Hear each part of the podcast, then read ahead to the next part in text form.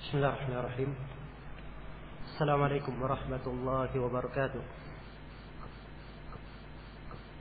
Kepada yang kami hormati Bapak Dr. Haji MS Kaban Hafizahullah dan kepada yang kami hormati seluruh hadirin kaum muslimin rahimakumullah taala إن الحمد لله نحمده ونستعينه ونستغفره ونعوذ بالله من شرور أنفسنا وسيئات أعمالنا من يهده الله فلا مضل له ومن يضلل فلا هادي له أشهد أن لا إله إلا الله وحده لا شريك له وأشهد أن محمدا عبده ورسوله يا أيها الذين آمنوا اتقوا الله حق تقاته ولا تموتن إلا وأنتم مسلمون. يا أيها الناس اتقوا ربكم الذي خلقكم من نفس واحدة وخلق منها زوجها وبث منهما رجالا كثيرا ونساء واتقوا الله الذي تساءلون به والأرحام إن الله كان عليكم رقيبا. يا أيها الذين آمنوا اتقوا الله وقولوا قولا سديدا يصلح لكم أعمالكم ويغفر لكم ذنوبكم ومن يطع الله ورسوله فقد فاز فوزا عظيما أما بعد فإن أصدق الحديث كتاب الله وخير الهدي هدي محمد صلى الله عليه وعلى آله وسلم وشر الأمور محدثاتها فإن كل محدثة بدعة وكل بدعة ضلالة وكل ضلالة في النار Hadirin sekalian yang saya hormati dan saya muliakan. Kita bersyukur kepada Allah Subhanahu wa taala yang memberikan nikmat dan anugerah kepada kita semua untuk hadir di masjid yang mulia ini. Salah satu rumah dari rumah-rumah Allah Subhanahu wa taala dengan sebuah maksud yang sangat mulia dan sangat dipuji di dalam syariat yaitu untuk membahas sejumlah permasalahan yang berkaitan dengan agama maka saya bermohon kepada Allah Subhanahu wa taala yang Maha Pemurah lagi Maha Pengasih. Semoga kita semua diberikan rahmat dan taufiknya dan digolongkan kepada orang-orang yang mendapatkan pahala dari sabda nabinya sallallahu alaihi wasallam di mana beliau menyatakan ma min qaumin jalasu fi baitin min buyutillah yatluna kitab Allah wa yatadarasunahu fima bainahum illa nazalat alaihim as-sakinah wa haffathum al-malaikah wa dhakarahum Allah ta'ala fi man indah tidak ada satu orang pun, tidak ada satu kaum pun yang duduk di rumah dari rumah-rumah Allah, yaitu di masjid dari masjid-masjid Allah. Mereka membaca kitab Allah, saling mempelajarinya antara sesama mereka, kecuali akan turun kepada mereka ketenangan. Mereka akan diliputi oleh rahmat, dinaungi oleh para malaikat, dan Allah Subhanahu wa taala akan menyebut orang-orang yang hadir di majelis tersebut di depan para malaikatnya. Kemudian dari arah hadis Rasulullah sallallahu alaihi wasallam yang diriwayatkan oleh Imam Ahmad di mana beliau menyatakan man lam yashkurin nas lam yashkurillah siapa yang tidak bersyukur kepada manusia maka dia tidak bersyukur kepada Allah maka saya mengucapkan terima kasih yang sedalam-dalamnya untuk Bapak yang kami hormati Bapak Menteri Kehutanan atas kesempatan dan kehadiran beliau dan juga terima kasih yang sebesar-besarnya saya tujukan kepada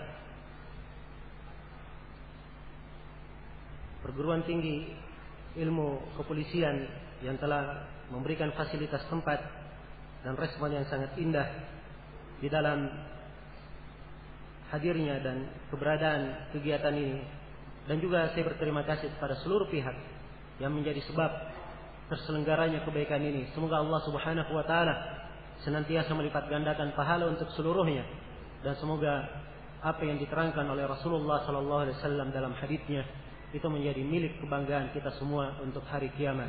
Di mana beliau menyatakan di dalam hadis Abu Mas'ud Al-Ansari yang diriwayatkan oleh Imam Muslim kata beliau man dalla ala khairin falahu ajr ka ajri fa'ilihi. Siapa yang menunjukkan sebuah kebaikan maka dia akan mendapatkan pahala seperti pahala orang yang mengerjakannya. Hadirin sekalian yang saya hormati dan saya muliakan telah diterangkan bahwa kita di negeri yang kita cintai ini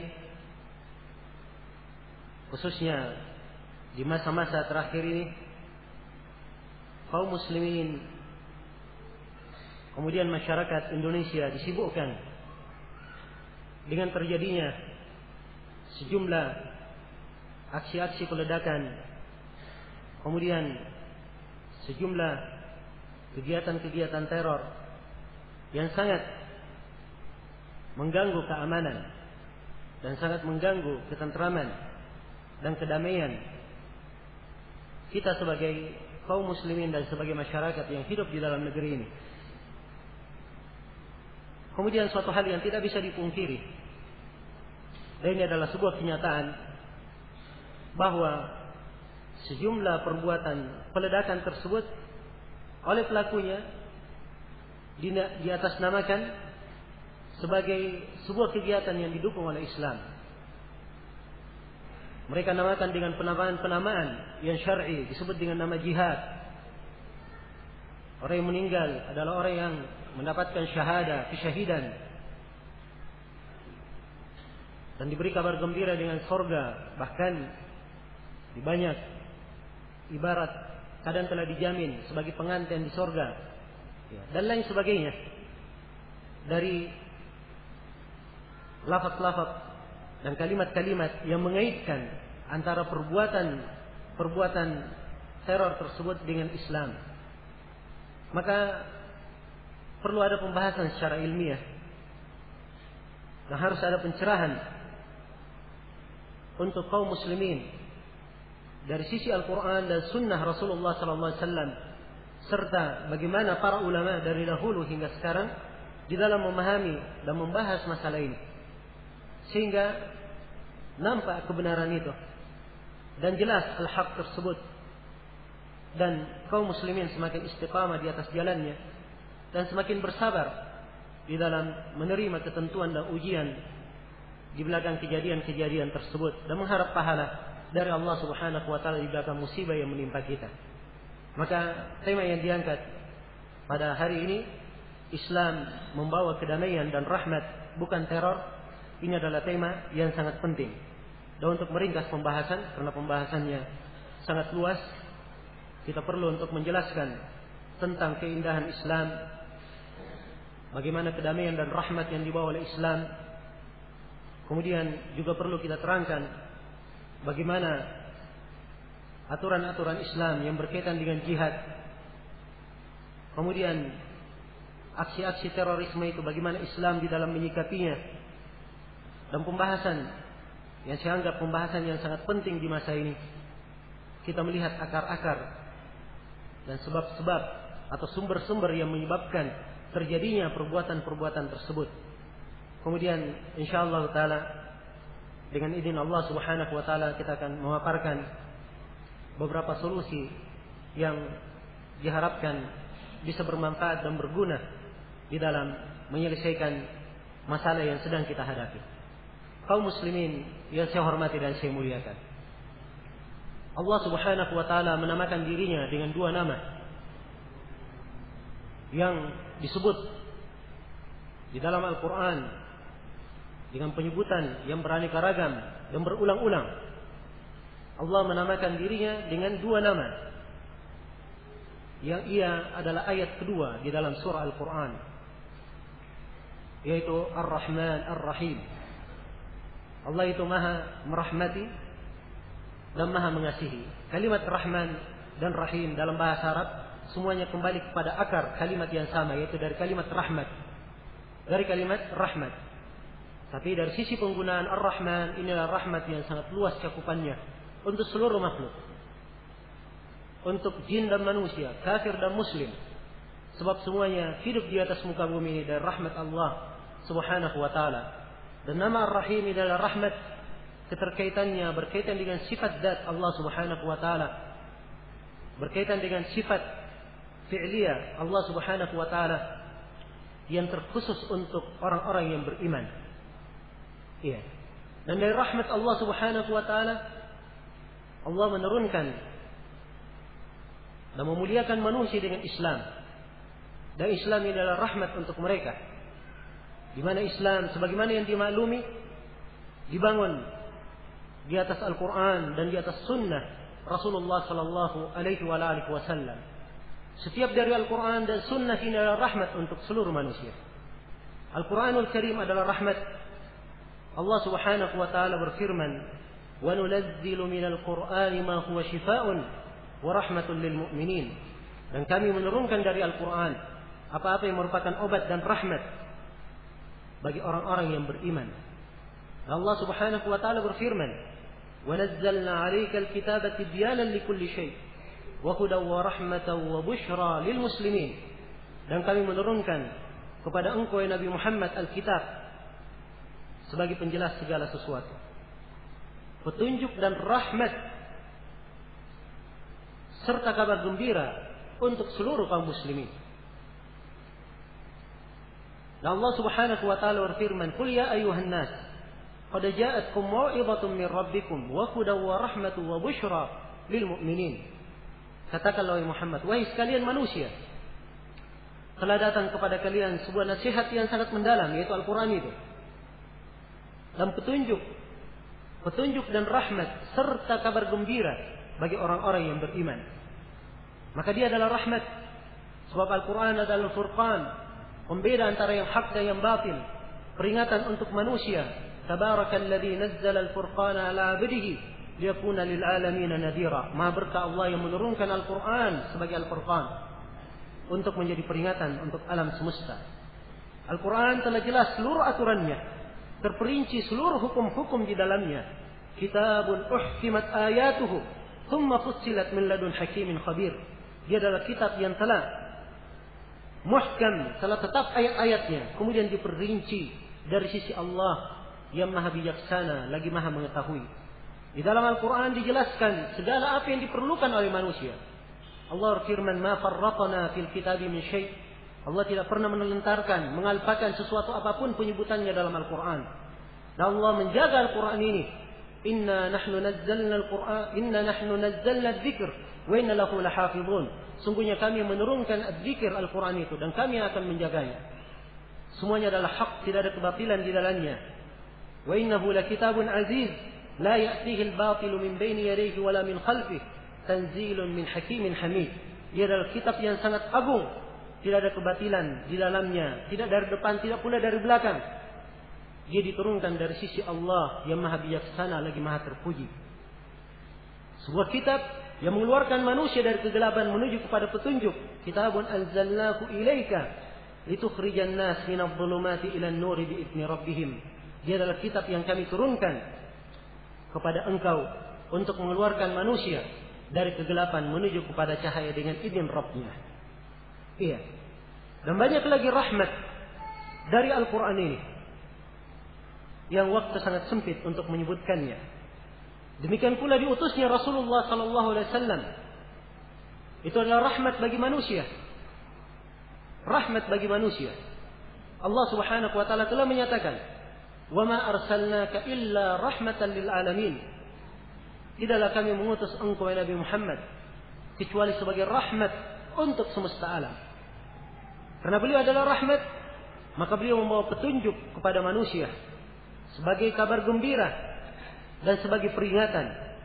Beliau adalah orang yang mempersaksikan umatnya dan dai kepada jalan yang lurus. Dan beliau dengan diutusnya beliau Beliau mensucikan umat dan mengangkat kedudukannya. Iya, yuzakkihim di dalam sejumlah ayat disebutkan di antara Manfaat diutusnya Rasul liyuzakkihim wa yu'allimuhumul kitab wal hikmah untuk mensucikan manusia dan mengajarkan kepada mereka Alkitab dan Al-Hikmah dan mengajarkan sunnah, mengajarkan hadis dari Rasulullah sallallahu alaihi wasallam.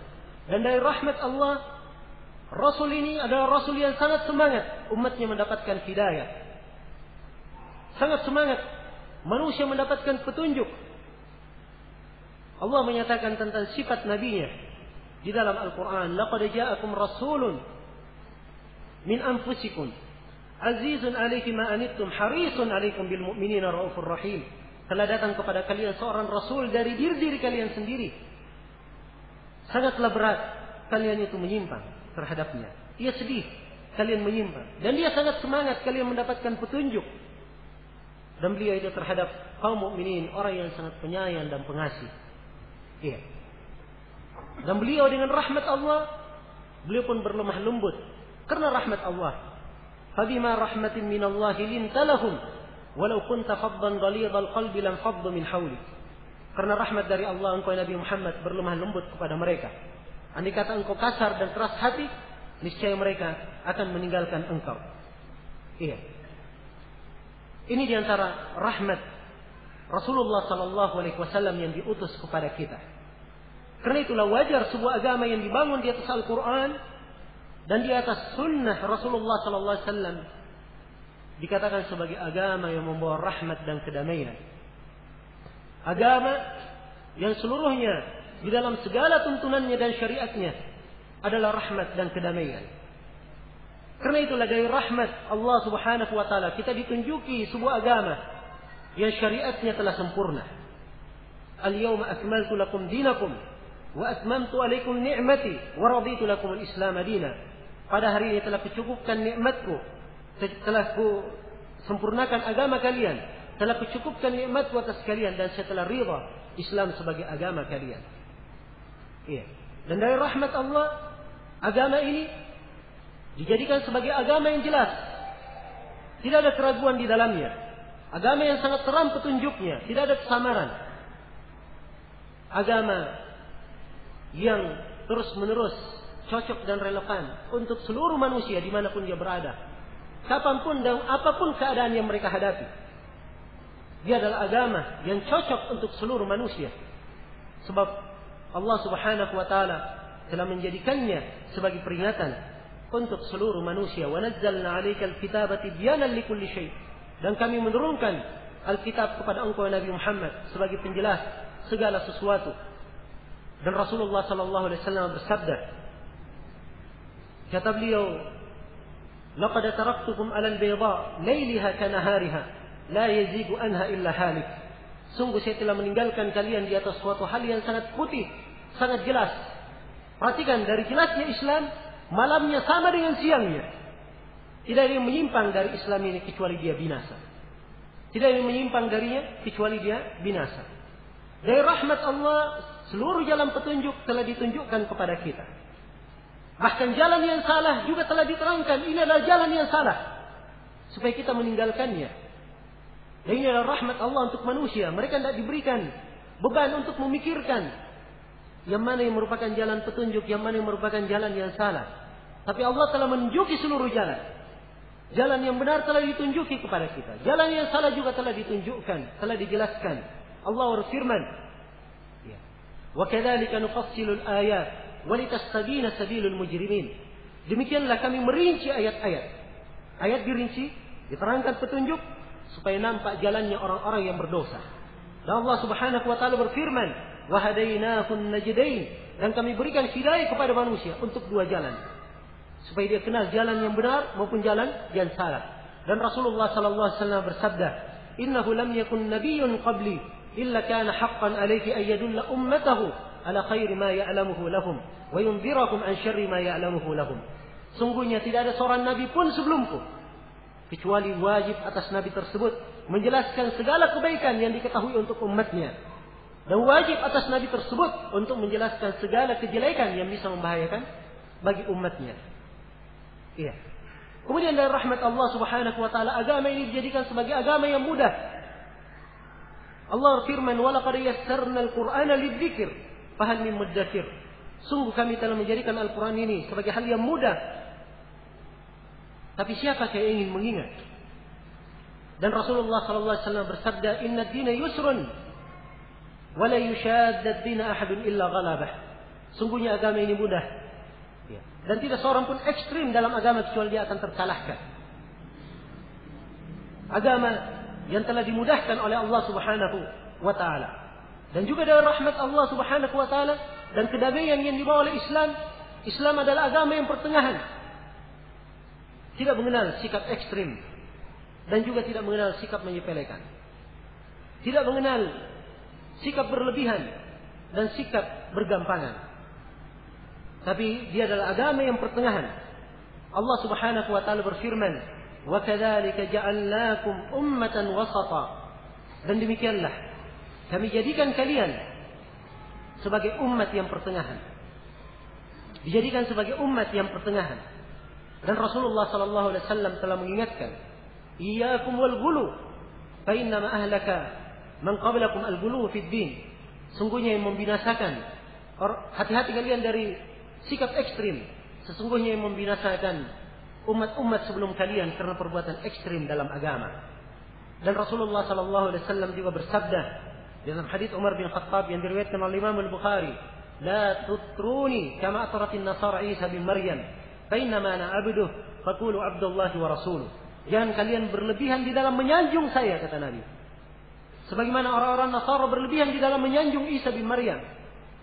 Saya hanyalah seorang hamba kata Nabi sallallahu alaihi wasallam. Maka katakanlah bahwa Nabi Muhammad adalah hamba Allah dan Rasulnya. Beliau sengaja menyebutkan dua sifat beliau. Seorang hamba dan seorang Rasul. Dari kalimat seorang hamba ini bantahan untuk orang-orang yang ekstrim berlebihan terhadap Rasulullah sampai menyembah beliau. Meminta hajatnya kepada Nabi. Ini berlebihan. Beliau juga seorang hamba. Sama dengan manusia yang lainnya. Perlu rahmat Allah. Tidak memiliki manfaat dan bahaya. Dan kalimat wa rasulu dan saya adalah seorang rasul ini bantahan untuk siapa yang menggampangkan dan meremehkan kedudukan beliau. Beliau manusia seperti manusia lainnya, tapi Allah melebihkannya dan memilih beliau sebagai seorang rasul yang diutus untuk manusia, wajib untuk ditaati, ada hak-hak yang harus ditunaikan terhadap beliau. Karena itu Islam dengan rahmat Allah Subhanahu wa taala ia adalah agama yang pertengahan. Tidak dikenal sifat berlebihan dan menyepelekan di dalam Islam. Iya. Di dalam segala ajaran Islam semuanya dikenal dengan sikap pertengahan. Dalam masalah makanan misalnya, lihat di dalam Al-Quran bagaimana Allah mengatur. Ya ayuhalladzina amanu, la tuharrimu tayyibati ma ahallallahu lakum, wa la ta'tadu, inna Allah la yuhibbul mu'tadin. Wahai orang-orang yang beriman, jangan kalian mengharamkan makanan-makanan baik yang dihalalkan oleh Allah. Dan jangan kalian melampaui batas. Sungguhnya Allah tidak menyayangi orang-orang yang melampaui batas. Dalam masalah berdoa, Allah berfirman, "Ud'u rabbakum tadarru'an wa khufyah, innahu la yuhibbul mu'tadin." Berdoalah kalian kepada Rabb kalian. Ya. Dengan merendah diri dan suara yang lembut. Sesungguhnya Allah tidak menyukai orang-orang yang melampaui batas. Bahkan di dalam medan jihad sekalipun Allah Subhanahu wa taala berfirman, "Wa qatilu fi sabilillahi alladziina yuqatilunakum wala ta'tadu innallaha la yuhibbul mu'tadin dan perangilah di jalan Allah orang-orang yang memerangi kalian. Tapi jangan kalian melampaui batas. Sesungguhnya Allah tidak menyenangi orang-orang yang melampaui batas. Karena itu di dalam jihad Islam tidak dibenarkan membunuhi anak-anak kecil, tidak dibenarkan membunuhi perempuan, tidak dibenarkan membunuhi orang-orang tua yang tidak ikut berperang, tidak dibenarkan membunuhi rahib-rahib dan ahli-ahli ibadah yang sedang berada di tempat-tempat ibadahnya. Hanya dibunuhi orang-orang yang mengadakan perlawanan saja. Sebab maksudnya adalah untuk memberikan nakayah, kekalahan untuk musuh. Ya. Dan kemudian dari situ ada tegak rahmat Islam di dalam sejumlah pembahasan yang mungkin insya Allah taala kita akan isyaratkan. Kemudian dari kedamaian Islam dan rahmat Islam ini, agama Islam adalah agama yang datang dengan keadilan. Semuanya dibangun di atas keadilan. Al-Quran adalah keadilan. Wa tammat kalimatu rabbika sidqan wa adala. Dan telah sempurna kalimat Rabbmu sebagai kebenaran dan keadilan. Dan Allah firman, Inna Allah ya'mur bil adl. Sungguhnya Allah memerintah dengan keadilan. Adil pada segala sesuatu. Bahkan kepada musuh sekalipun Allah Subhanahu wa taala berfirman, "Wala yajrimannakum syana'anu qaumin ala an la ta'dilu. I'dilu huwa aqrabu littaqwa." Dan jangan sekali-sekali kebencian kalian kepada seorang atau sekelompok manusia membuat kalian tidak berlaku adil. Berlaku adillah kalian. Sungguhnya keadilan itu mendekati ketakwaan. Iya. Dan di antara rahmat Allah Subhanahu wa taala hal yang menunjukkan kedamaian dan rahmat Islam.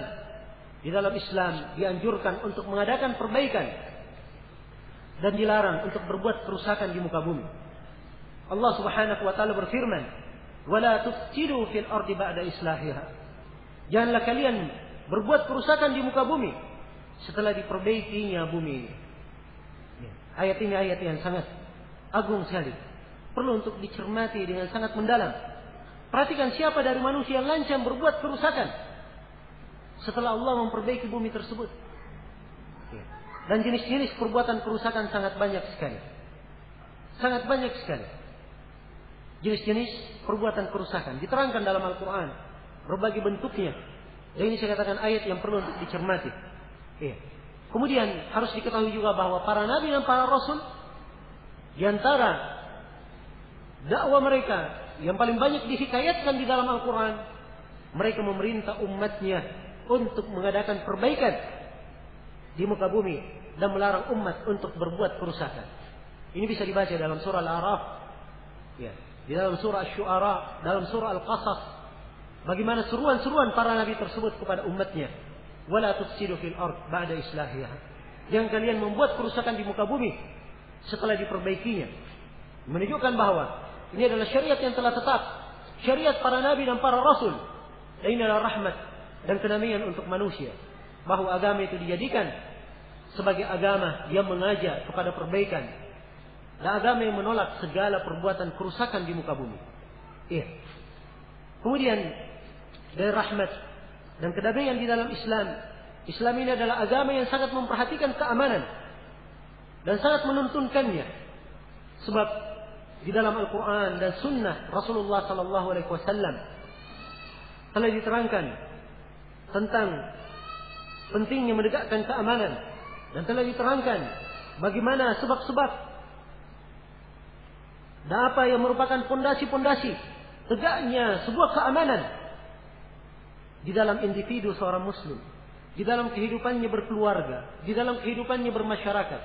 Bahkan telah diterangkan di dalam Islam dengan penjelasan yang sangat luas bagaimana cara menegakkan keamanan di dalam berbangsa dan bernegara. Iya, maka Islam adalah agama yang menegakkan keamanan. Agama yang menegakkan keamanan. Iya. Diterangkan di dalam banyak ayat Al-Quran tentang hal ini dan cukuplah di sini saya mengangkat mengangkat sebuah hadis dari Rasulullah sallallahu alaihi wa alihi wasallam. Bagaimana perhatian Rasulullah terhadap keamanan ini? Sampai di tempat yang paling aman yaitu di dalam masjid. Nabi sallallahu alaihi wasallam bersabda di dalam sejumlah hadis. Di antaranya adalah hadis yang diriwayatkan oleh Imam Al-Bukhari dan Imam Muslim dari Abu Musa Al-Asy'ari. Nabi sallallahu alaihi wasallam bersabda, "Idza marra ahadukum fi masjidina أو في سوقنا ومعه نبل فليمسك على نصارها apabila salah seorang dari kalian berlalu di masjid kami atau berlalu di pasar kami dan dia membawa tombak ya, sebab ini kebiasaan di masa dahulu mereka keluar membawa tombak membawa pedang itu adalah hal yang biasa kebiasaan masyarakat maka Nabi menuntunkan sebuah tuntunan yang dengannya tercipta keamanan Siapa yang masuk ke masjid kami dan dia membawa tombak yang runcing, hendaknya dia pegang runcingnya agar tidak menimpa saudaranya yang lain. Tidak menimpa saudaranya yang lain. Dalam riwayat, bal yaqbid bi hendaknya dia pegang dengan telapak tangannya. Ayusiba ahadan minal muslimin min hasyai. Jangan sampai senjata-senjata tersebut menimpa salah seorang dari kaum muslimin. Iya. Perhatikan bagaimana Rasulullah memperhatikan keamanan di tempat yang sangat aman, yaitu di dalam masjid. Dan Rasulullah Sallallahu Alaihi Wasallam telah menyatakan bahwa sifat seorang muslim itu adalah seorang muslim yang menjaga keamanan. Al muslimu man salim al muslimuna min lisanihi wa yadih. Seorang muslim adalah kaum muslimin ia yang kaum muslimin selamat dari gangguan dan tangannya. Kemudian rahmat Islam, Islam mengharamkan perbuatan kezaliman dalam ayat-ayat yang sangat banyak, mengharamkan perbuatan khianat dan mengharamkan perbuatan melanggar janji. Ya. Dan ini kaidah Islam yang hendaknya banyak diingat di masa ini. Ya, sebab sejumlah anak muda yang meneriakkan jihad dan jihad, mereka tidak mengerti bahwa jihad itu adalah satu pembahasan yang harus dihormati dan menjaga diri tidak berbuat zalim, jangan berbuat khianat dan tidak melanggar janji. Ini juga adalah sebuah pembahasan di dalam Islam dan prinsip yang harus dihormati. Iya. Prinsip yang harus dihormati. Nah, mengganggu turis yang masuk di dalam negara, iya. Itu adalah bukan perbuatan jihad sama sekali. Sebab ketika turis ini masuk ke dalam negara, telah distempel di imigrasi sebagai lambang jaminan dari negara bahwa dia mendapatkan perlindungan untuk masuk di dalam negara. Dan dia juga ketika menerima stempel tersebut artinya dia taat terhadap peraturan-peraturan yang ada dalam sebuah negara. Dan ini adalah urf, ya, kebiasaan yang sudah dimaklumi di dalam aturan-aturan di berbagai negara. Maka siapa yang mengganggu turis tersebut artinya dia telah melanggar perjanjian yang harus dia jaga. Perjanjian yang harus dia jaga. Sebab kalau penguasa telah membuat perjanjian, maka perjanjian ini harus dijaga dari lapisan yang paling atas sampai lapisan yang paling bawah. Sebagaimana yang kita akan terangkan. Dan ini di dalam poin yang seperti ini kadang banyak orang yang tidak mencermatinya.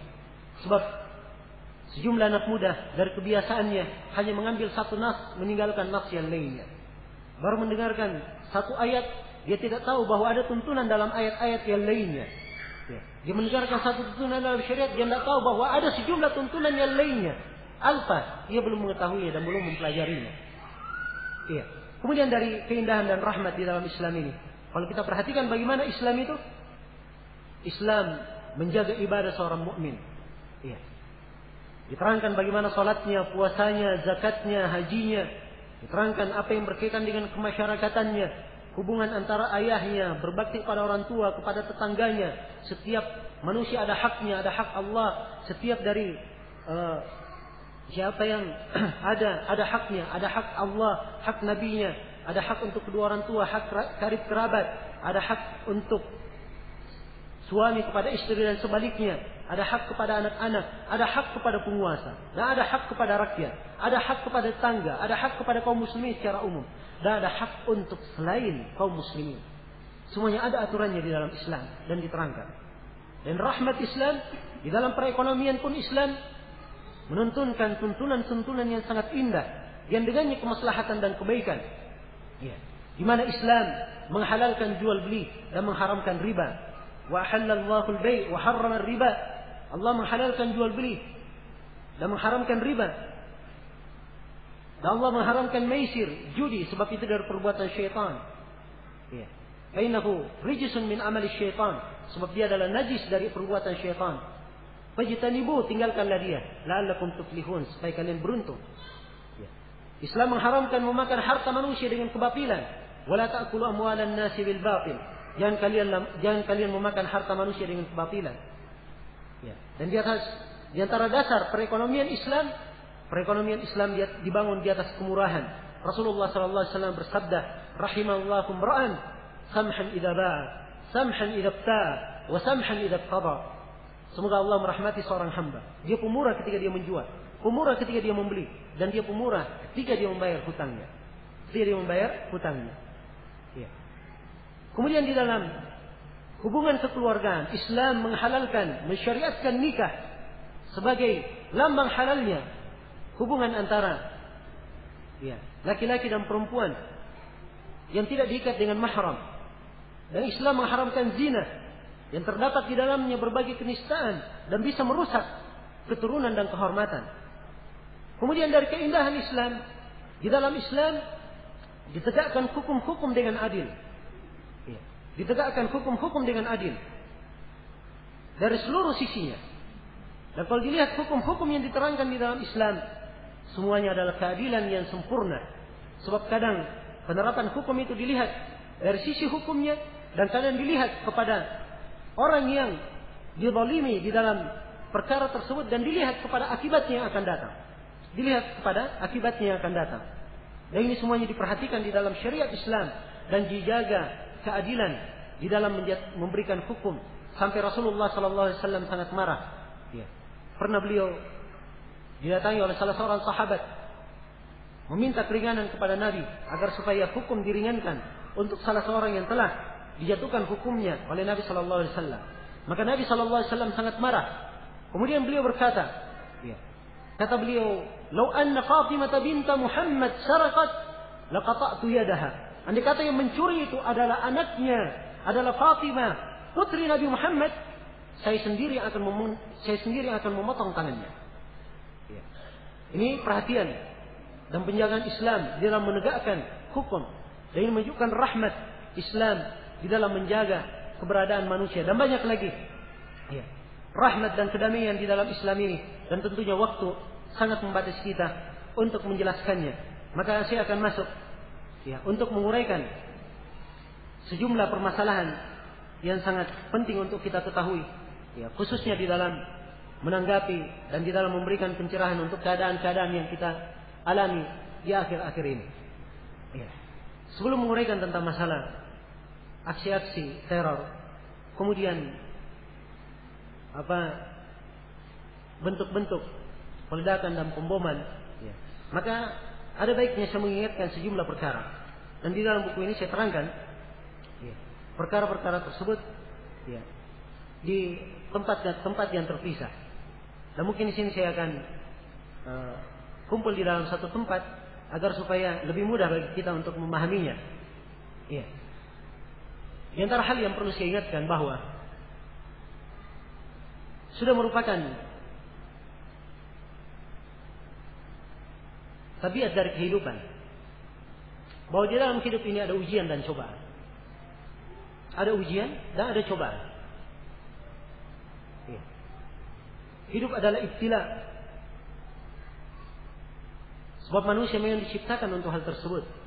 Inna khalaqanal insana min nutfatin amsyajin nabtalih. Sungguhnya kami menciptakan insan dari setetes air yang bercampur untuk kami mengujinya. Dan Allah Subhanahu wa taala berfirman, "Linabluwakum ayyukum ahsanu amala." Untuk menguji kalian siapa yang paling baik amalannya. Maka adanya ujian, adanya cobaan di dalam beragama, di dalam bermasyarakat, di dalam hidup, itu sudah merupakan tabiat di dalam kehidupan. Sebuah kepastian yang pasti dialami oleh siapa pun dari manusia. Iya. Maka harus bersabar dalam hal ini. Apalagi dia adalah, apalagi dia adalah seorang muslim. Dia harus tahu bahwa seorang muslim itu ya, yang dicintai oleh Allah Subhanahu wa taala dan muslim yang mendapatkan kebaikan, dia senantiasa mendapatkan ujian.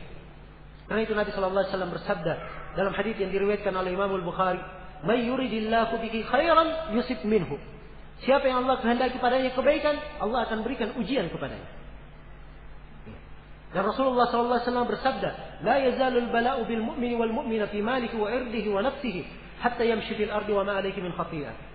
Terus menerus ujian, cobaan menimpa seorang mukmin dan mukminah dalam dirinya, kehormatan dan keluarganya sampai dia berjalan di atas muka bumi tidak menyandang satu dosa pun. Ujian ini menggugurkan dosa-dosanya. Dan ujian ini akan memperkokoh keimanannya. Alif lam mim. Ahsiban nasu ayyutraku ayyakulu amanna wa hum la yuftanun. Ya. Apakah manusia mengira bahwa mereka akan dibiarkan begitu saja berucap kami beriman dan mereka tidak akan diuji? Harus ada ujian dan cobaan. Karena itulah apa yang kita alami ya.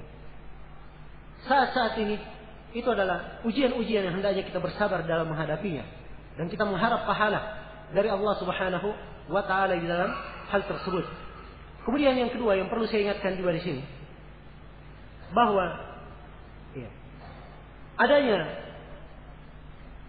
kesalahan-kesalahan yang dibuat oleh sejumlah dari kaum muslimin itu tidaklah mewakili Islam dan kaum muslimin.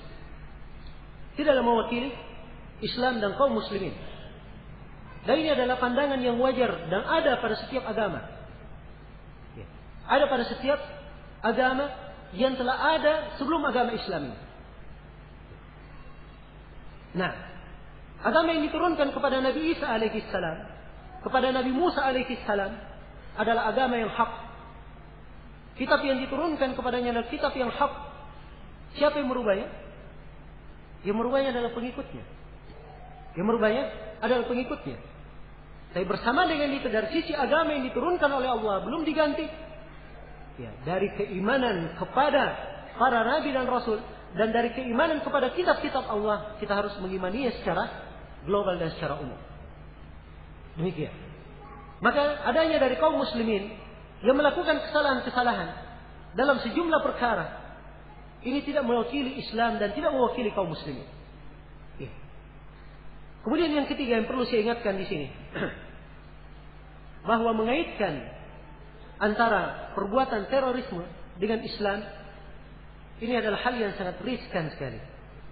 Sebab seorang harus adil di dalam menilai dan di dalam memperhatikannya. Ya. Kita juga semuanya mengetahui bahwa ya, aksi teror itu banyak sebabnya. Ada yang sebab-sebab kembalinya kepada pemikiran dan agama, ada sebab-sebab yang kembalinya kepada kejiwaan, ada sebab-sebab yang kembalinya kepada kemasyarakatan dan kehidupan sosial, dan ada sebab-sebab yang lainnya. Maka tatkala kita mengaitkan perbuatan terorisme dengan Islam, kita hanya mengaitkannya dengan salah satu sebab dari sejumlah sebab yang ada. Ya. Dan tentunya sebab-sebab yang lain itu adalah hal yang dimaklumi. Tapi kenapa kita membahas khusus di sini keterkaitan ya, antara terorisme dengan Islam? Karena memang umat Islam di masa ini ya, difitnah dan di cemarkan namanya dari sisi ini, maka kita harus menerangkannya dan memberikan pencerahan. Kemudian juga hal yang sangat disayangkan, orang-orang yang melakukan sejumlah peledakan di tanah air kita ini, mereka-mereka menamakan perbuatannya dengan perbuatan jihad. Ya. Mereka kemas perbuatan tersebut dengan label-label Islam dan tidak jarang disebut dengan ayat-ayat Al-Quran dan hadis-hadis Rasulullah Sallallahu Alaihi Wasallam Bahkan kadang dibela dengan penulisan buku-buku, seminar-seminar tentang hal tersebut. Ya. Maka kita harus menerangkan dari sisi ini sebenarnya bagaimana hakikat Islam di dalam menjelaskan masalah dan apa Islam itu? Apa sebenarnya tuntunan dan agamanya supaya nampak dengan jelas bagi kaum muslimin secara secara umum Islam itu apa dan perbuatan terorisme itu apa? Ya. Nah, maka ini di antara hal yang hendaknya kita perhatikan. Kemudian di antara hal yang harus diingatkan juga, ya, harus dibedakan antara istilah-istilah yang mempunyai dasar syar'i ya, dengan hal-hal yang sifatnya kerusakan dan hal yang ditentang oleh Islam. Istilah jihad misalnya, dia adalah istilah syar'i. Istilah al-wala wal bara memberikan loyalitas dan permusuhan, istilah syar'i. Istilah amar ma'ruf nahi munkar, istilah syar'i. Ya. Dia adalah istilah syar'i. Maka istilah-istilah yang tatkala digunakan harus digunakan sesuai dengan tuntunan syariat di dalam menggunakannya. Di sini sisi pembahasan kita di dalam menggunakan istilah.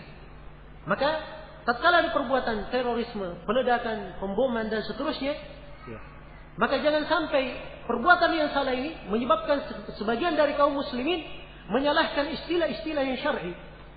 Ya. Sehingga kadang sangat disayangkan terdengar dari sejumlah kaum muslimin Jihad itu tidak baik. Ya. Kekerasan bukan dari Islam. Ini adalah hal yang salah.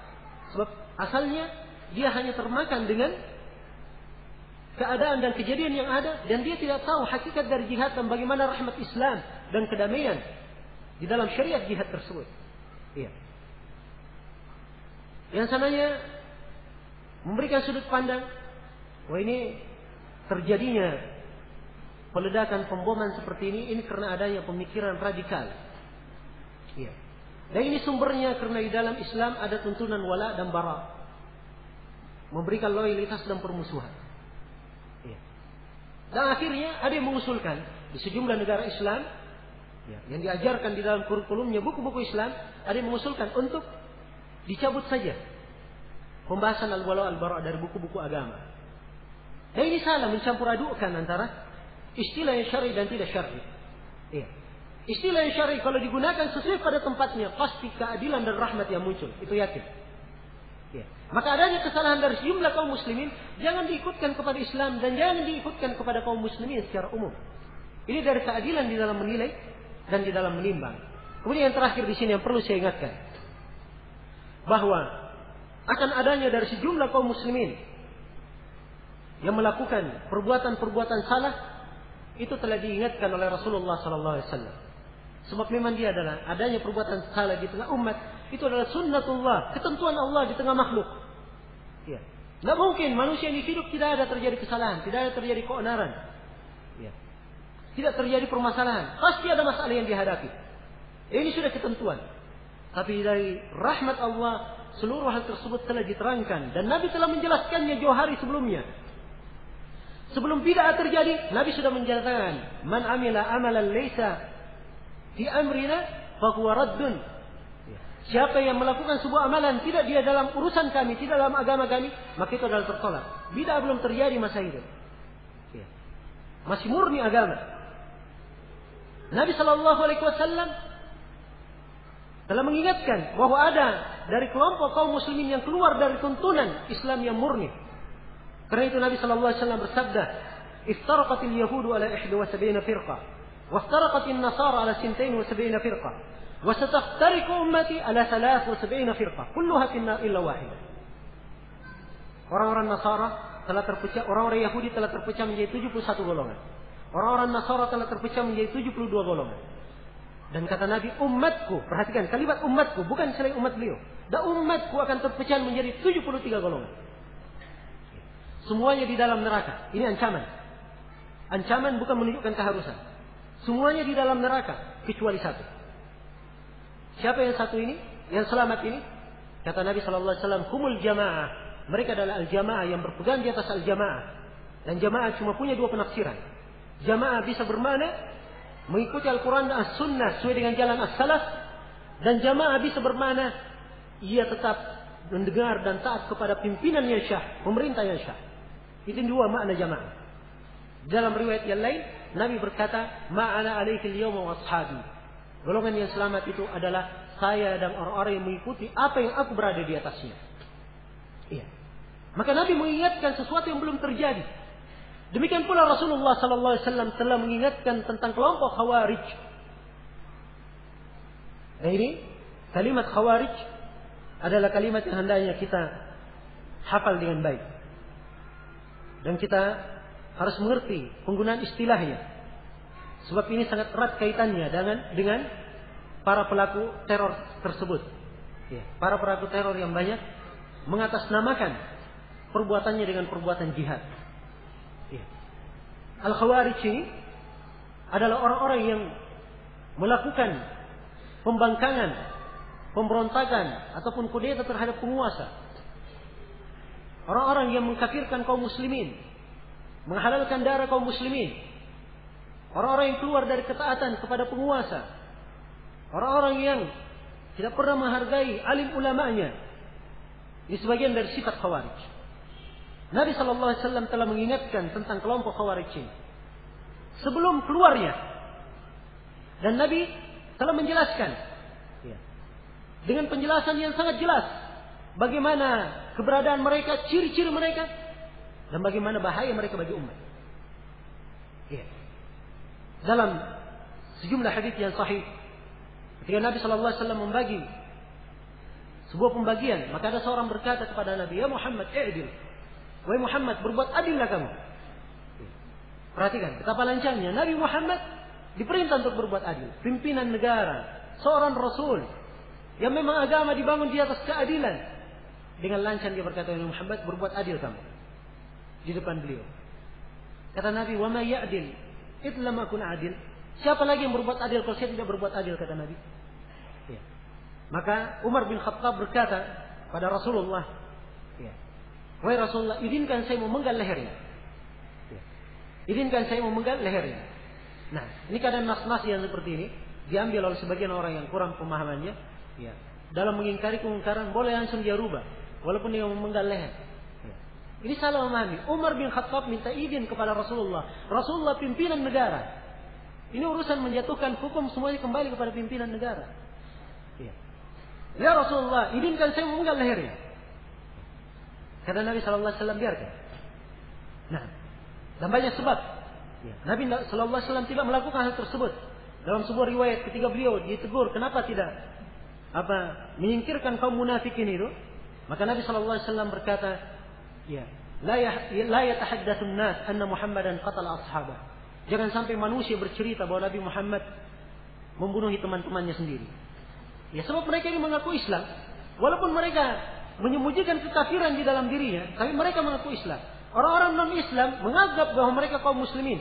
Kalau Nabi Shallallahu Alaihi menyatukan hukum yang tegas dalam posisi itu pada mereka, maka di luar Islam akan berkata Nabi Muhammad membunuh teman-temannya sendiri. Dan ini akan menahan manusia untuk masuk ke dalam Islam.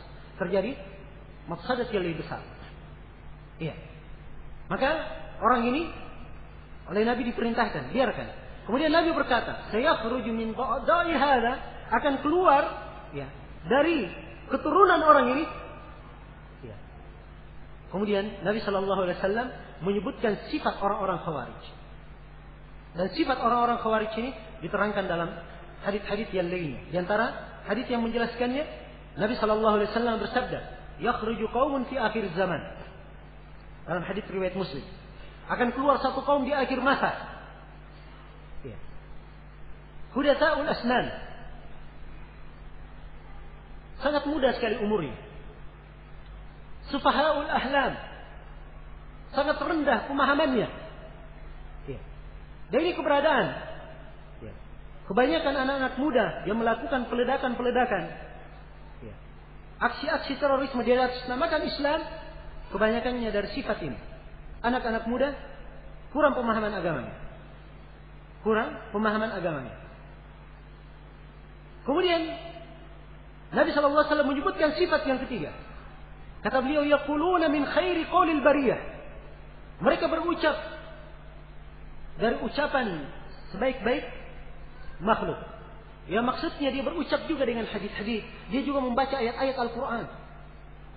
Subhanallah berdalilkan dengan ayat dan hadis. Ya.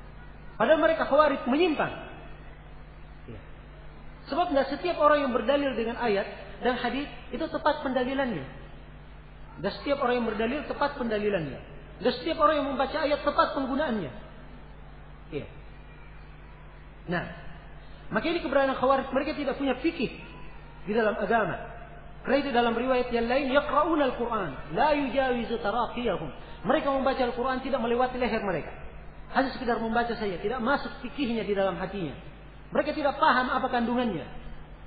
Tidak paham apa kandungannya. Ya. Kemudian Nabi Wasallam ya, di dalam sejumlah riwayat beliau terangkan bagaimana ibadahnya kaum Khawarij.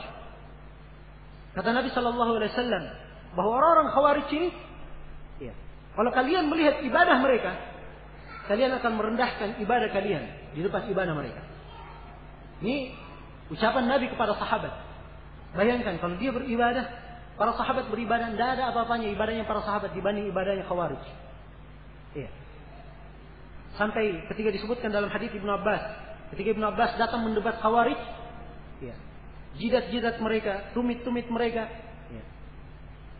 itu penuh dengan apa kulit-kulit hitam yang sangat tebal saking banyaknya mereka sujud ya. kemudian di sela-sela pipi mereka ada garis-garis hitam saking banyaknya mereka menangis ya.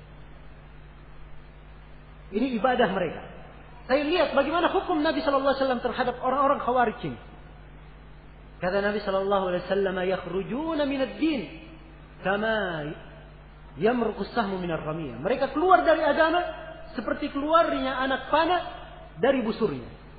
Ya. Perhatikan. Mereka keluar dari agama seperti keluarnya anak panah dari busurnya. Ya. Maka Nabi mengabarkan tentang khawarij sifat-sifatnya agar supaya kita waspada terhadap mereka. Ya. Dan dia adalah ancaman bagi umat di masa mendatang. Ada dari kelompok manusia yang seperti itu. Dan setelah Nabi Shallallahu Alaihi Wasallam meninggal, maka dari orang yang disebutkan itu tadi keluarlah ya, dari belakangnya orang-orang yang menyandang pemikiran-pemikiran khawarij itu. Ya. Bagaimana kaum khawarij itu memerangi para sahabat? Mereka lah yang menjadi sebab Khalifah Utsman bin Affan radhiyallahu taala anhu terbunuh. Dan mereka pula yang membunuh Ali bin Abi Thalib radhiyallahu taala anhu. Imran bin Imran ibn al-Hattan. Dia membunuh Ali bin Abi Thalib. Dan Imran membunuh Ali bin Abi Thalib di antara manusia yang terbaik, sahabat yang terbaik. Apa alasan dia bunuh? Alasannya itu adalah agama. Bahkan dipuji oleh Abdurrahman bin Muljim. Ya. Bahwa itu adalah suatu hal yang sangat mendekatkan diri kepada Allah Subhanahu wa taala, ibadah yang sangat mendekatkan diri kepada Allah. Bayangkan membunuh Ali bin Abi Thalib dianggap sebagai apa? Ibadah yang mendekatkan kepada Allah Subhanahu wa taala. Ini pemikiran orang-orang Khawarij. Sudah terjadi. Ketika mereka diperangi oleh Ali bin Abi Thalib radhiyallahu taala anhu, maka Abu Umamah Al-Bahili melihat mereka. Ya. Dalam keadaan sudah terbunuh. Abu Umamah Al-Bahili mengingatkan hadis Rasulullah sallallahu alaihi wasallam. Beliau berkata, "Ulaika kilabu ahli nar." Mereka ini adalah anjing-anjing penduduk neraka nanti. Mereka adalah anjing-anjing penduduk neraka. Tiga kali diucapkan oleh Rasulullah sallallahu alaihi wasallam. Kemudian Nabi mengatakan bahwa syarru ya, qatla tahta adimis sama hum haulai syarru qatla tahta adimis sama wa khairu qatilin tahta adimis sama man qatalu. Ya. Sejelek-jelek bangkai yang terbunuh di bawah kolong bumi ini itu adalah bangkainya orang-orang khawarij, sejelek-jelek bangkai yang terbunuh. Dan sebaik-baik orang yang mati syahid dari kaum muslimin adalah orang-orang yang dibunuh oleh mereka. Nah, maka dari memahami sifat khawarij ini kita bisa mengambil sejumlah pelajaran yang sangat berharga. Yang pertama ada dari kaum muslimin yang menampilkan dia membela Islam menegakkan syariat, ya, memperjuangkan Islam, tapi hakikatnya dia tidak memperjuangkan Islam, bahkan meruntuhkan Islam. Kemudian yang kedua, kita harus waspada dari orang-orang yang seperti ini sifatnya. Sebab Nabi terangkan sifat-sifatnya. Ya. Sangat muda umurnya, sedikit pemahaman agamanya, dia kadang berdalilkan dengan ayat-ayat, ya. bukan pada tempatnya. Ya. Dan ini sangat nampak sekali, ya. bagaimana gampangnya mereka menjatuhkan fonis-fonis kafir hukum terhadap orang-orang yang menyelisihinya. Ya. Kemudian di sini juga menunjukkan bahwa kewajiban dari penguasa ya, ketika nampak orang-orang khawarij tersebut untuk diperangi sebab dia adalah bahaya bagi umat. Karena itu Ali bin Abi Thalib memerangi mereka. Ya, memerangi mereka di Nahrawan. Setelah sebelumnya didebat atau sebelumnya didebat oleh Ibnu Abbas sehingga mereka rujuk 2000 orang. Ya, dan selebihnya diperangi oleh Ali bin Abi Talib radhiyallahu taala anhu. Nah, padahal mereka mengucapkan la ilaha illallah. Ya. Diperangi kenapa? Sebab itu adalah hukum syar'i. Hukum syar'i di dalam memeranginya. Hukum syar'i di dalam memeranginya. Karena itulah dari apa yang dilakukan penguasa untuk memerangi orang-orang khawarij itu adalah suatu hal yang sangat tepat. Ya. Dan hal yang dipuji di dalam syariat. Ya. Dan hendaknya ditegakkan untuk menjaga keamanan. Nah, maka ini sejumlah perkara yang ingin saya ingatkan. Kemudian untuk meringkas, waktu saya akan masuk menjelaskan tentang sejumlah kesalahpahaman di dalam memahami jihad. Ya. Di dalam memahami jihad. Di sini ada uh, sejumlah kesalahpahaman yang terjadi. Yang pertama, kesalahpahaman di dalam mengartikan makna jihad itu. Sebagian orang kadang memahami bahwa jihad itu hanya sekedar memerangi orang kafir, Jihad itu sedang berperang, ya. Kemudian membunuh orang-orang kafir. Dan ini pemahaman yang salah. Sebab jihad itu luas cakupannya di dalam syariat. Dan para ulama membagi jihad menjadi empat. Ya. Para ulama membagi jihad menjadi empat. Yang pertama ada namanya jihadun nafs. Ada jihad melawan diri sendiri. Jihad di dalam membenahi dan menata diri sendiri. Rasulullah sallallahu alaihi wasallam bersabda, "Al-mujahid man jahada nafsa Seorang yang berjihad, orang yang berjihad melawan dirinya sendiri. Nabi sebut dia sebagai mujahid. Seorang yang berjihad. Ya. Dan orang yang berjihad melawan dirinya sendiri itu dengan empat hal. Yang pertama dia ajari dirinya dengan ilmu syariat. Kemudian yang kedua dia berjihad melawan dirinya sendiri dengan mengamalkan ilmu. Menjalankan segala perintah, meninggalkan segala yang dilarang. Kemudian dia berjihad melawan dirinya apabila dia sudah berilmu dan beramal dia berdakwah kepada ilmu itu. Kemudian dia antara jihad terhadap diri sendiri, dia bersabar di dalam menjalani tiga hal ini. Dalam berilmu, beramal, dan menyampaikan dakwah. Kemudian jihad yang kedua ada namanya jihad syaitan. Jihad menghadapi syaitan. Sebab syaitan adalah musuh. Ya. Dan Allah Subhanahu wa taala menjadikannya sebagai musuh untuk manusia. Nah, inna syaitana lakum adu fattakhiduhu aduwa. Sungguhnya syaitan itu adalah musuh bagi kalian. Terus meneruslah kalian menganggapnya sebagai musuh. Dan syaitan menyerang manusia dari banyak sisi. Globalnya kembali kepada dua senjata dari arah syahwat dan syubhat.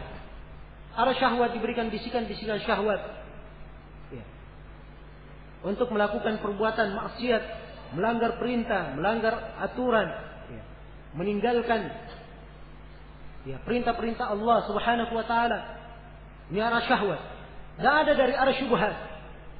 Ada dari arah syubhat. Syubhat itu artinya syaitan menyerang dari arah pemikiran. Diberikan kerancuan di dalam agama seorang hamba. Dan ini senjata syaitan yang sangat ampuh dan paling dicintai oleh syaitan. Paling dicintai oleh syaitan. Ya. Sebab kalau pemikirannya dibuat salah dan menyimpang, orang ini tidak tahu bahwa dirinya salah. Pelaku maksiat, pelaku dosa, dia tahu bahwa dirinya berbuat maksiat. Ya. Berbuat dosa. Tapi orang yang dibuat menyimpang pemikirannya oleh syaitan, dia tidak tahu bahwa dirinya bersalah. Dia tetap berada di atas jalan tersebut, tidak bertobat.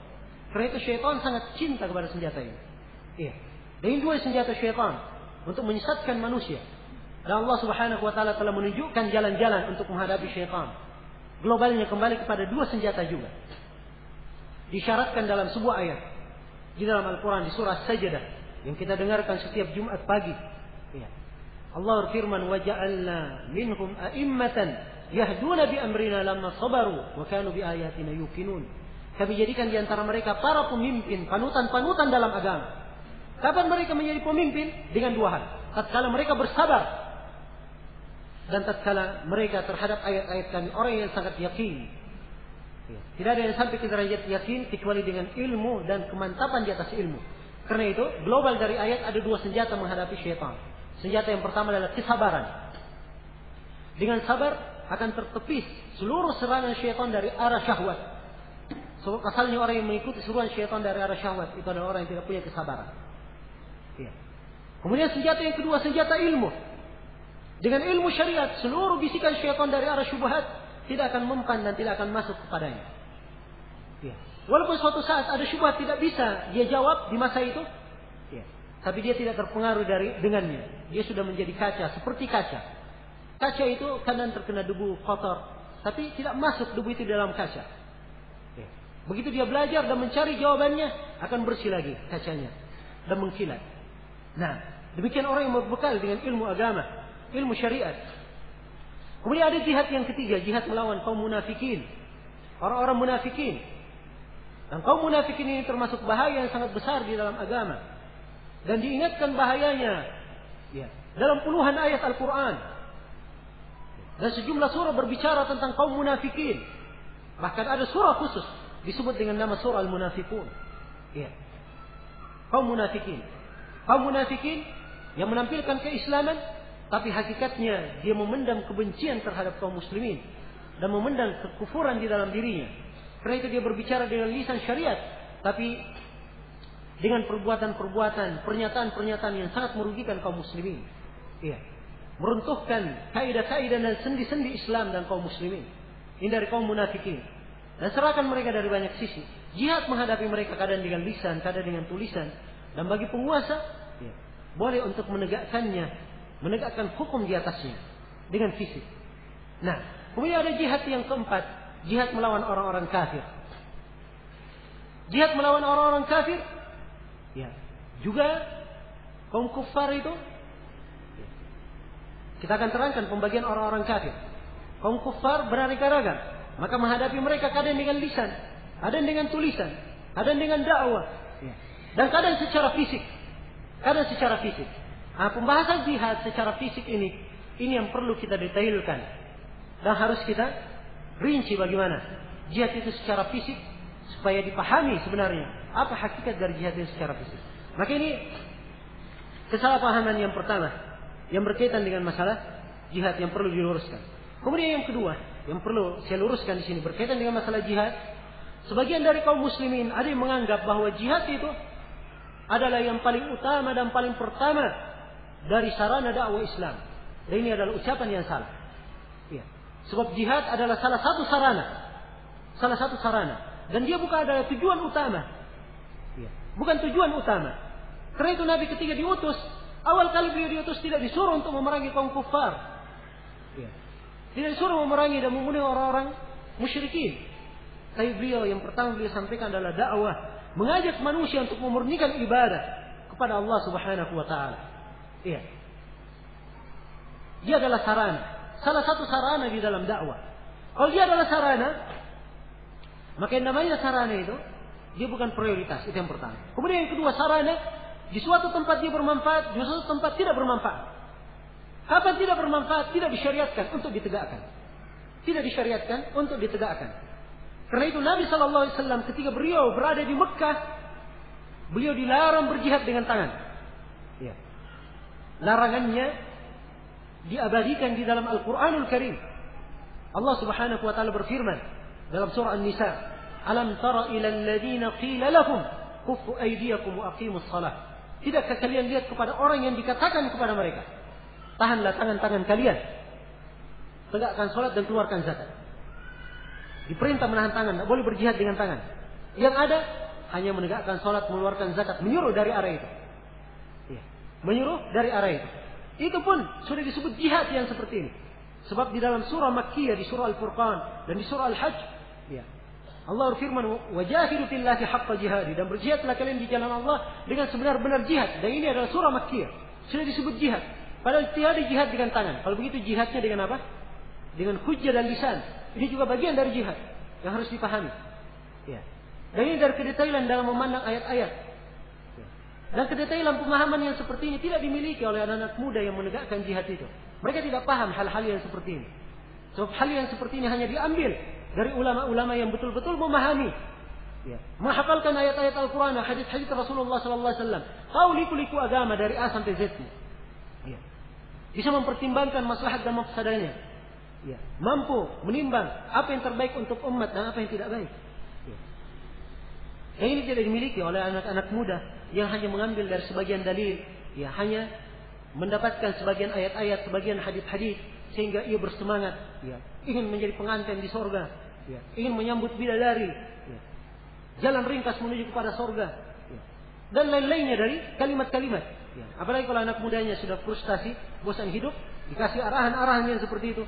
Jihad pahalanya begini, sebentar lagi kamu lihat bidadari. Kalau kamu mati, matinya seperti dicubit, tidak ada artinya. Kalau kamu begini dan begini, ya, sudah bosan hidup dikasih arahan yang seperti ini, ya disambut dengan baik. Ya.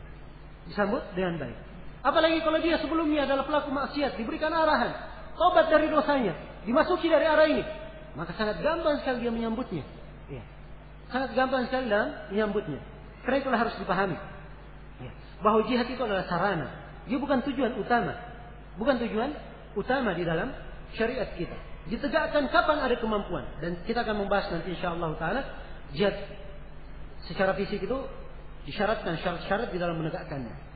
Kemudian yang harus diketahui juga. Bahwa tidak boleh memerangi orang-orang kafir sebelum didakwai. Ya. Tidak boleh memerangi orang kafir sebelum didakwai dan diminta mereka membayar jizyah. Sebab di dalam ya, urusan jihad, asalnya jihad itu disyariatkan untuk meninggikan agama. Litakuna kalimatillahi fil ulya. Supaya kalimat Allah yang paling tinggi. Ya. Dan untuk mengurangi kekafiran, mempersempit mafsadah dan kerusakan di muka bumi. Karena itu diperangi orang-orang kafir yang merusaki kerusakan, yang membuat kerusakan ini. Kemudian mereka ditawan oleh kaum muslimin dan hidup di tengah kaum muslimin dengan peraturan, dengan peraturan di dalam masalah tawanan sehingga mereka diajari Islam, dididik karena itu ada di dalam Islam syariat bagaimana fadilahnya mendidik budak sehingga dia masuk Islam kemudian dibebaskan dan seterusnya. Ini semuanya dari keindahan dan rahmat Islam di dalam syariat jihad yang mulia ini. Iya. Maka tidak dia di dia dibolehkan dalam Islam memerangi sebelum mengajaknya kepada Islam. Harus diajak dulu kepada Islam. Kalau dia menolak, diberikan pilihan yang kedua. Dia silahkan di atas agamanya, tapi setiap tahunnya dia harus membayar upeti membayar jizyah kepada kaum muslimin. Ya. Jadi terjadi pada sejumlah negara seperti negara Bahrain di masa itu. Ya. Mereka orang-orang Nasara. Ya. Tetap di atas agamanya, tapi mereka membayar upeti setiap tahunnya kepada kaum muslimin. Mereka dijaga oleh umat Islam. Ini yang kedua. Kalau tidak maka kata Nabi Shallallahu Alaihi Wasallam isti'analah kalian kepada Allah dan perangilah mereka. Nah, ini urutan yang terakhir. Urutan yang terakhir. Nah, dan di sini tidak nampak pada sejumlah manusia yang menegakkan jihad ini tidak nampak ya, keindahan Islam dari sisi ini. Kemudian juga harus diketahui bahwa tidak ada peperangan di negeri yang dikumandangkan adan di dalamnya dan akan sholat lima waktu. Ya. Kita ini di negeri kebanyakannya kaum muslimin. Ya. Masjid-masjid bertebaran. Adan dikumandangkan. Maka tidak ada syariat menegakkan jihad apa pun terhadap penduduk negeri tersebut. Nabi Wasallam dalam hadis Anas bin Malik yang diriwayatkan oleh Imam Bukhari dan Imam Muslim. Ya. Beliau kalau ingin menyerang sebuah negeri, maka beliau menunggu di waktu subuh. Kalau beliau mendengarkan adzan dari negeri tersebut, ya, mereka misalnya taubat dan sadar masuk ke dalam Islam, maka harus terdengar adzan. Ya. Terdengar adzan dari negeri tersebut, kata Anas bin Malik, kami menahan, tidak memeranginya. Tapi kapan tidak terdengar azan, maka kami pun memerangi mereka. Memerangi mereka. Nah. Ya. Kemudian juga dari hal yang hendaknya diluruskan di sini bahwa jihad itu harus ada dengan izin orang tua. Ya. Yang ini berlaku pada seluruh jenis jihad. Ya. Adapun pada jihad yang sifatnya fardu ain, sebab jihad itu ada yang fardu ain dan ada fardu kifayah. Ya. Pada sifat jihad yang fardu ain, itu tidak diharuskan meminta izin kepada orang tua. Tapi hal yang dianjurkan. Agar supaya orang tua tahu. Sebab minta izin kepada orang tua ini maslahat pribadi. Keharusan untuk berangkat jihad membela kaum muslimin dan mempertahankan negeri kaum muslimin ini adalah maslahat umum. Maslahat umum lebih dikedepankan di atas maslahat pribadi. Tapi kalau dia adalah fardu kifayah, maka Nabi Shallallahu Alaihi Wasallam perintah untuk minta izin kepada kedua orang tuanya dan itu adalah kewajiban. Adalah sebuah kemestian dan kewajiban. Ya. Dan ini hendaknya dipahami oleh anak-anak muda yang menegakkan jihad. Sekarang betapa banyak orang-orang yang mengaku dirinya menegakkan jihad itu, meledak, melakukan peledakan. Ya. Orang tuanya nggak ada yang tahu apa yang dilakukan oleh anaknya. Ya. Karena tidak diketahui di mana rimbanya tiba-tiba ya, sudah terdengar melakukan aksinya. Ya. Nah, kemudian yang sangat perlu untuk didetailkan di sini tentang pembagian jihad melawan orang kafir. Ya. Saya tadi isyaratkan bahwa jihad itu terbagi dua. Hukumnya ada yang fardu ain dan ada fardu kifayah. Asalnya jihad itu fardu kifayah, itu asal hukum. Jihad hukumnya adalah apa? Fardu kifayah. Kalau sudah ada sejumlah kaum muslimin yang menegakkannya, maka gugur kewajiban ini dari seluruh kaum muslimin yang lainnya. Itu asal dari jihad. Ya. Namun jihad ini menjadi fardu ain pada empat keadaan. Dia menjadi fardu ain pada empat keadaan. Ya. Di keadaan yang pertama, apabila pimpinan negara mewajibkan untuk berangkat jihad. Pimpinan negara mewajibkan seluruhnya berangkat, maka hukumnya adalah fardu ain untuk berangkat. Ya. Sebab kalau pimpinan negara mengharuskan seluruhnya berangkat ini menunjukkan kegentingan di dalam negara dan kemaslahatan yang harus dijaga bersama. Karena itu Nabi Shallallahu Alaihi Wasallam bersabda, "Tidak stumfirtum fanfiru." Dalam hadis Ibn Abbas riwayat Bukhari dan Muslim. Apabila kalian diminta untuk berangkat jihad, maka berangkatlah kalian. Berangkatlah kalian. Ya. Kemudian keadaan yang kedua, jihad itu menjadi fardu ain apabila telah berjumpa dua pasukan Kaum muslimin sudah berjumpa. Pasukan kaum muslimin sudah berjumpa dengan kaum kufar. Dalam keadaan yang seperti ini, walaupun jihadnya tadinya fardu kifayah, berubah hukumnya menjadi fardu ain. Tidak boleh dia mundur. Ya. Setiap dari anggota pasukan harus bersabar menghadapi musuh. Tidak boleh mundur kecuali dengan perintah dari pimpinan. Kenapa? Sebab ini kaitannya dengan banyak hal. Ini tentunya pembahasannya ya, harus di, dikhususkan dalam pembahasan hukum-hukum yang sangat detail dalam masalah jihad. Sebab ada kaitannya berkaitan dengan keindahan agama, berkaitan dengan masalah uh, apa namanya menjaga kemuliaan, ya. dan ada yang berkaitan dengan masalah strategi di dalam peperangan. Dan ini semuanya ada aturannya. Ada aturannya. Ya, maka tidak boleh mundur. Menjadi wajib. Kemudian di keadaan yang ketiga, jihad itu menjadi fardu ain apabila kaum muslimin mereka diserang oleh orang-orang kafir. Ya. Maka di sini orang yang diserang, kaum muslimin yang diserang, kapan mereka punya kemampuan untuk membela diri, maka mereka wajib untuk membela diri. Ya. Mereka wajib untuk membela diri. Nah, ini keadaan yang ketiga. Kemudian di keadaan yang keempat, dia menjadi wajib itu diambil dari mana fardu kifayah. Fardu kifayah itu gugur apabila telah ada yang jumlah yang telah mencukupi menggugurkan kewajiban yang lainnya. Tapi kalau misalnya belum ada jumlah yang mencukupi, maka jihad tetap menjadi fardu air. Misalnya jihad berjalan fardu kifayah. Tapi ada di sebagian penggunaan alat, tidak ada yang bisa menggunakannya kecuali orang-orang tertentu. Maka orang-orang tertentu ini jihad menjadi hukum fardu ain atasnya untuk berangkat. Sebab tidak ada yang bisa menggunakannya kecuali dia. Maka ini empat keadaan. Selain daripada itu, jihad menjadi hukumnya, hukumnya menjadi fardu kifayah. Iya. Maka ini penjelasan hukum berkaitan dengan masalah jihad. Saya ingin detailkan di dalam masalah jihad melawan orang kafir secara fisik. Sebab ini yang paling banyak terjadi kesalahan di sini. Harus diketahui bahwa jihad melawan orang kafir secara fisik itu terbagi dua. Dan pembagian ini terbagi dua. Ya. Kalau seorang yang baru belajar, dia baca misalnya serius, ini ingin berjihad, dia baca kitab jihad dari awal sampai akhir. Belum tentu dia bisa memahami pembagian jihad yang terbagi dua. Belum tentu dia bisa menyimpulkannya. Ya. Maka ini pentingnya mengambil ilmu itu dari guru, dari orang-orang yang terpercaya, ya, dari alim ulama yang sudah dikenal dengan keilmuan. Dia mengambil kesimpulan-kesimpulan yang tepat dari nas-nas syariat. Demikian. Jihad itu terbagi dua. Dan pembagian ini bagi dua ini disebut ya, oleh sejumlah guru-guru kita dan ulama-ulama kita di masa ini. Dan sebelumnya juga telah diterangkan dalam sejumlah buku-buku fikih. Ya, pada sebagian buku menjelaskannya bahwa jihad itu terbagi dua. Ada yang jihad sifatnya jihadul talab. Dan disebut juga dengan nama jihadul hujum. Jihad menyerang. Jihad menyerang. Jihad mencari. Kaum muslimin yang duluan menyerang. Mereka melakukan penyerangan. Ini disebut dengan nama jihad apa? Jihadul hujum. Ini jihad yang pertama. Jihad yang kedua disebut dengan nama jihadul mudafa'ah.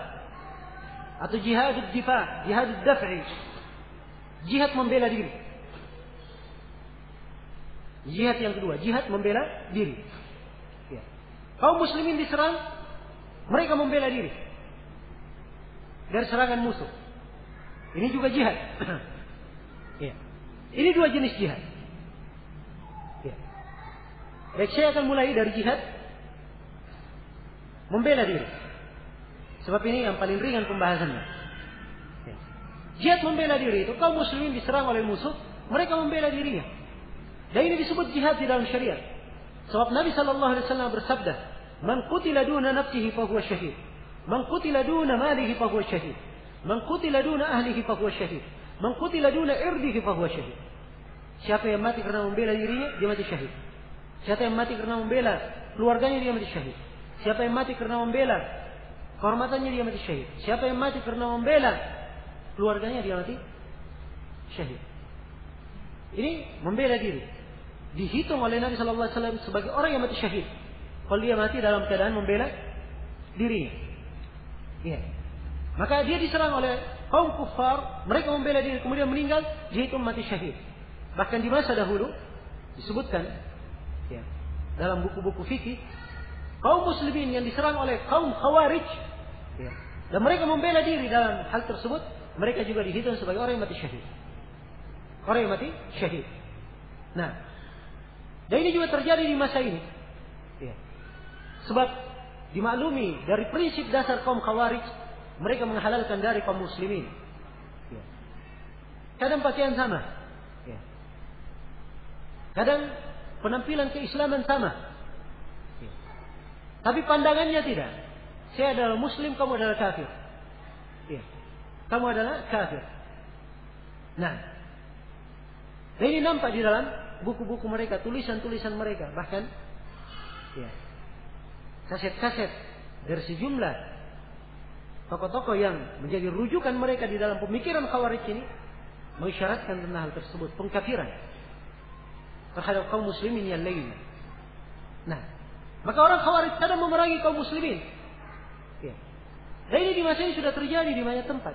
Ya. Betapa banyak kaum khawarij yang menyerangi dari aparat keamanan dan dari aparat keamanan kita banyak kaum muslimin. Ya. Dan kita ambil pelajaran bagaimana ya. orang-orang khawarij yang berada di Aljazair di sana mengadakan pemberontakan, mereka naik ke gunung-gunung. Ya. Kemudian menyandra kaum muslimin, kaum perempuannya dijadikan budak, tawanan perang. Ini dari bentuk, dari perbuatan kaum khawarij. Maka ini ada. Siapa yang meninggal dalam keadaan membela diri, itu dihitung sebagai jihad apa? Jihad difa, jihad membela diri. Ya. Maka ini jihad membela diri dan jihad membela diri ini kata Syekhul Islam Ibnu Taimiyah la yushtaratu lahu syarat. Tidak disyaratkan padanya syarat apa pun. Ya. Sebab asalnya diserang, dia membela diri. Dia membela dirinya. Berbeda dengan jihad. Yang sifatnya jihad menyerang. Ada syarat-syarat. Yang harus disyaratkan. Baru disyariatkan. Baru dikatakan ini adalah jihad yang disyariatkan. Jelas ya? Maka ini jihad yang pertama. Jihad membela diri. Kemudian jihad yang kedua adalah jihad al-hujum. Jihad menyerang jihad menyerang. Dan jihad menyerang ini, jihadul hujum ini, ini adalah jihad yang disyariatkan dengan tiga syarat. Dia adalah jihad yang disyariatkan dengan tiga syarat. Jadi kalau kita masuk tadi ke dalam pembagian jihad, ketika masuk ke dalam pembahasan jihad melawan orang kafir terbagi. Ada jihad dengan lisan, dengan tulisan, dengan dakwah. Ya. Kemudian jihad secara fisik. Ternyata jihad secara fisik terbagi dua lagi. Kemudian jihad melawan orang kafir Ya. Secara langsung jihad itu disyaratkan syarat-syarat. Ada syarat-syaratnya. Ya. Nah, jihad menghadapi kaum kufar ya, secara fisik dari sisi apa menyerang secara langsung atau jihadul talak ya, jihadul hujum disyaratkan padanya tiga syarat. Syarat yang pertama harus dipimpin oleh seorang kepala negara harus dipimpin oleh seorang kepala negara. Syarat yang kedua, jihad tersebut ditegakkan oleh kaum muslimin dan mereka mempunyai kekuatan yang cukup dalam menegakkannya. Kekuatan yang, yang memadai di dalam menjalankan jihad itu. Kemudian syarat yang ketiga, kaum muslimin harus mempunyai wilayah kekuasaan. Harus mempunyai wilayah kekuasaan. Ini tiga syarat. Disyariatkannya jihad menyerang. Iya. Saya akan uraikan sekarang dalil-dalilnya. Ya. Jangan sampai ada yang berkata ini dari kantongnya Ustadz saya. Ya. Menyampaikan tiga syarat. Ya. Saya akan sampaikan dalil-dalilnya. Langsung dari Nabi Shallallahu Alaihi Wasallam. Ada pun syarat yang pertama, ya.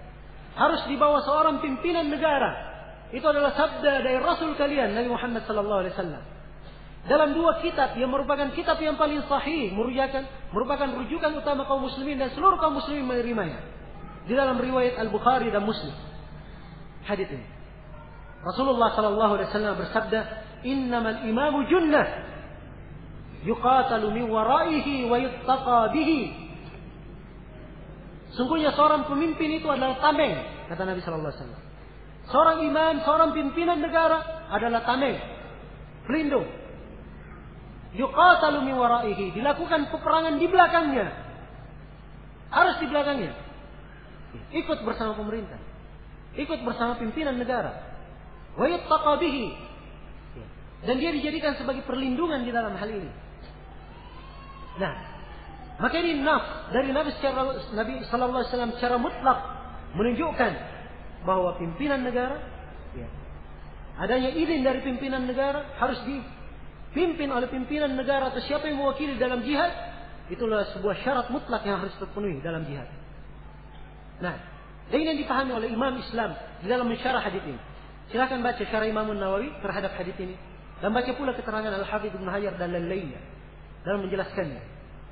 Para ulama sepakat dalam syarat ini tidak ada silam pendapat. Tidak ada silam pendapat. Ya. Dalam madhab apa pun, dari madhab para ulama fikih, tidak ada silam pendapat bahwa jihad menyerang harus dipimpin oleh seorang pimpinan negara atau siapa yang mewakili. Karena itu Nabi Shallallahu Alaihi Wasallam kalau kita lihat di sejarah, ya, tidak ada yang menegakkan jihad kecuali dengan izin. Ketika para sahabat di Mekah dalam keadaan tertindas, dizalimi, mereka tidak langsung mengadakan apa? Peperangan. Oh kalau saya mati, saya mati syahid. Ya. Tidak ada. Tapi mereka datang kepada Nabi Shallallahu Alaihi Wasallam mengedukan keadaan mereka. Nabi memberikan nasihat. Ya. Umat sebelum kalian telah disiksa, telah disakiti, melebihi apa yang kalian hadapi saat ini. Umat sebelum kalian mereka beragama, ya. kadang digergaji dari atas kepalanya sampai terbelah dua. Tidak terhalangi dari agama mereka. Walakinnakum qaumun tastajilun kata Nabi tapi kalian adalah kaum yang terlalu tergesa-gesa. Ya. Mereka mengeluhkan keadaannya saja dikatakan tergesa-gesa. Bagaimana pula dengan anak muda itu yang sudah melakukan keadaan seperti itu? Ya. Nah, ini harusnya diambil ibrah dan pelajaran. Umar bin Khattab ketika berkata tadi kepada Rasulullah, ya Rasulullah, ya. izinkan saya memenggal lehernya. Ini kembali kepada hal ini. Dan di perjanjian Hudaybiyah, ya, ketika Nabi ya, telah menjatuhkan hukum bahwa kita menandatangani perjanjian untuk damai dengan kaum kufar Mekah waktu itu selama 10 tahun tidak terjadi peperangan. Dan siapa dari penduduk Mekah yang masuk Islam kemudian lari ke kota Medina harus dikembalikan lagi ke Mekah. Diserahkan. Ya. Nabi menandatanganinya dan menyetujui perjanjian tersebut. Sampai Umar bin Khattab radhiyallahu taala anhu waktu itu berkata saya tidak pernah ragu kecuali pada waktu itu saja. Dan beliau waktu itu Ya, setelah berlalu kejadian, maka beliau senantiasa berkata, hati-hati kalian dari apa berprasangka di dalam agama. Ya, mengikuti pendapat dalam agama. Umar menyesali perbuatannya. Maka Umar berkata, ya Rasulullah, ya, apakah kita menerima kehinaan dalam agama kita? Bukankah kita kalau memerangi mereka kita mati? Orang-orang yang mati dari kita mati syahid, mereka adalah penduduk neraka. Ini alasan Umar. Kenapa kita tidak perangi saja? Kata Nabi Shallallahu Alaihi Wasallam, Umar, saya adalah Rasul Allah. Ya. Dan saya diperintah dengan hal tersebut. Saya diperintah dengan hal tersebut. Nah, perhatikan semuanya dengan izin. Ya. Semuanya dengan izin. Dan pelajari sejarah umat Islam dalam seluruh peperangan yang terjadi dalam sejarah umat Islam. Dari Nabi dan masa para sahabatnya. Tidak pernah ada jihad yang ditegakkan tanpa kepemimpinan seorang pemimpin atau siapa yang diwakilkan oleh pemimpin untuk memimpinnya memimpin jihad itu. Ini dari fikih yang harus dipahami. Kemudian syarat yang kedua dari syarat penegakan jihadul hujum, jihad menyerang, kaum muslimin harus mempunyai kecukupan, kekuatan yang cukup. Ya. Harus ada kekuatan. Karena itu di Mekah dilarang berjihad dengan tangan. Kenapa kaum muslimin masih lemah? Ya. Di Hudaybiyah pun yang para sahabat waktu itu sudah lebih seribu. Ya. Sudah lebih seribu para sahabat. Di perang Badar 3000, 13 orang para sahabat mengalahkan 1000 kaum musyrikin. Di perjanjian Hudaybiyah lebih 1000 mereka. Tapi kaum musyrikin berapa? Belasan ribu berlipat kali jumlah mereka. Kaum muslimin masih lemah. Maka dari maslahat ya, Nabi Shallallahu Alaihi Wasallam menerima perdamaian di Hudaybiyah.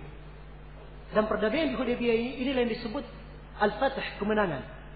Ya, yang disebut di dalam nama di dalam satu surah surah Al-Fatih Al-Fatah yang diinginkan di situ adalah perjanjian Hudaybiyah. Salah orang yang menafsirkannya bahwa itu yang diinginkan adalah Fathu Mekah, bukan itu. Tapi perjanjian Hudaybiyah itu adalah kemenangan pertama kaum muslimin. Dianggap kemenangan. Padahal Umar bin Khattab menganggapnya waktu itu sebagai apa? Kehinaan bagi kaum muslimin. Subhanallah. Bagaimana pandangan syariat kalau diikuti ya, itu akan menjamin kebaikan untuk seorang hamba. Nah, maka harus mempunyai kekuatan yang cukup Ya. Dan harusnya ada kekuatan ini, ini diterangkan di dalam sejumlah ayat. Ya. Wa itu lakum mastata'tum min. Siapkanlah kekuatan kalian yang paling maksimal untuk menghadapi musuh-musuh kalian. Kemudian kata Nabi Shallallahu Alaihi Wasallam, Innal quwwata ar-rami. Kekuatan itu adalah kepandaian di dalam membidik, lempar tombak atau membidik anak panah. Ya. Beliau arahkan nas-nas jihad itu dengan kekuatan. Dan dimaklumi dari syariat kita, tidak diwajibkan suatu ibadah apa pun kalau seorang itu tidak mampu melakukannya. Ya. Rasulullah Allah Subhanahu wa taala berfirman, "La yukallifullahu nafsan illa wus'aha." Allah tidak membuangi seorang jiwa itu kecuali sesuai dengan kemampuannya. Kecuali sesuai dengan kemampuannya. Ya, maka disyaratkan syarat yang kedua harus memiliki kekuatan dan kemampuan. Ya. Dan perhatikan ya, sebuah ibrah yang sangat mendalam sekali. Bahwa di akhir zaman ketika Dajjal ya telah dibunuh oleh Nabi Isa alaihi salam dan Nabi Isa bersama Imam Mahdi, kaum muslimin. Maka keluarlah Ya'jud dan Ma'jud. Dimaklumi bahwa Ya'jud dan Ma'jud ya, adalah dua kelompok manusia yang tidak ada yang bisa menandingi mereka. Ya. Berbuat kerusakan di muka bumi. Mereka membunuhi dan berbuat kerusakan di seluruh ya, penjuru dunia. Kaum muslimin, Nabi Isa bersama Imam Mahdi, mereka bersembunyi di gunung. Mereka bersembunyi di mana? di gunung. Ini disebutkan di dalam hadis yang menjelaskan tentang kisah tersebut. Perhatikan di sini dari sisi fikih. Bagaimana Nabi Isa dan Nabi Imam Mahdi dan kaum muslimin Kenapa tidak menghadapi saya Ya'jud dan Majud? Kalau mati kan mati syahid. Kan begitu. Kenapa harus bersembunyi atas gunung? Sebab memang dari syarat jihad harus mempunyai apa? Harus mempunyai kemampuan dalam menegakkannya. Ini adalah suatu hal yang hendaknya diingat. Ya. Ini bukan masalah konyol dan mati konyol. Ya. Hanya sekedar ingin mati saja, bunuh diri. Ya. Mati itu terlalu gampang, tapi jiwa itu cuma satu. Ya. Harus dia tahu dia mati di atas jalan yang benar atau tidak. Ya. Di atas suatu hal yang disyariatkan atau tidak. Dia mendapatkan keberuntungan di belakang hal tersebut atau tidak. Harus dia pahami. Nah, kemudian syarat yang ketiga dari syarat ditegakkannya jihadul hujum Jihadul hujum itu harus ditegakkan oleh kaum muslimin dan mereka memiliki wilayah kekuasaan. Iya. Harus ada wilayah kekuasaan kaum muslimin. Karena itulah tatkala kaum muslimin masih berada di Madinah, tidak ada syariat jihad sama sekali dengan fisik, secara fisik. Syariat jihad secara fisik tidak ada di kota Madinah. Syariat jihad secara fisik itu baru bermula di Mekah, eh, baru bermula di Madinah setelah Nabi hijrah ke Madinah setelah kaum muslimin memiliki wilayah tersendiri, Nabi pindah ke kota Medina yang ada kaum Aus dan Khazraj di situ, dua suku yang sangat disegani. Ya. Di kalangan orang-orang Arab punya kekuatan, punya tempat. Nabi pimpinan negaranya, barulah turun perintah jihad itu. Itu pun perintah jihadnya turun secara berkala. Pertama yang diperangi, Nabi diperintah untuk membela diri. Siapa yang memerangi beliau diperintah untuk memeranginya membela diri. Kemudian diperintah Nabi Wasallam memerangi yang paling dekatnya dulu. Khawatir mereka akan menimpahkan kejelekan untuk kaum muslimin. Setelah itu setelah kaum muslimin kuat dan lebih kuat, barulah turun perintah umum memeranginya secara fisik. Ya. Ya Yuhan Nabi hardil mu'minin al kita. Wahai Nabi, bangkitkan semangat kaum mukminin untuk berperang. Ini ayat dari ayat-ayat yang terakhir menjelaskan tentang hukum. Ya, datang anak muda yang baru belajar, Baca ayat ini, wahai Nabi, bangkitkan semangat kaum muslim berjihad. Diambil potongannya, tidak tahu asal muasalnya dari mana perintahnya dan ke mana. Dia gunakan ayat ini untuk melakukan peperangan di mana-mana. Ya.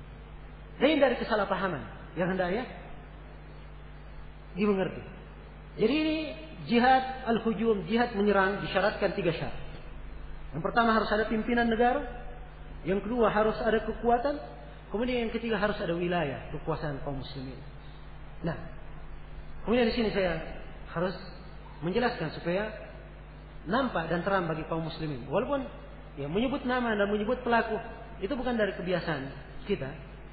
Ya. Tapi di sini ada hal yang hendaknya diterangkan supaya jelas ya, sikap kaum muslimin dan jelas bagaimana tuntunan Islam dalam hal ini.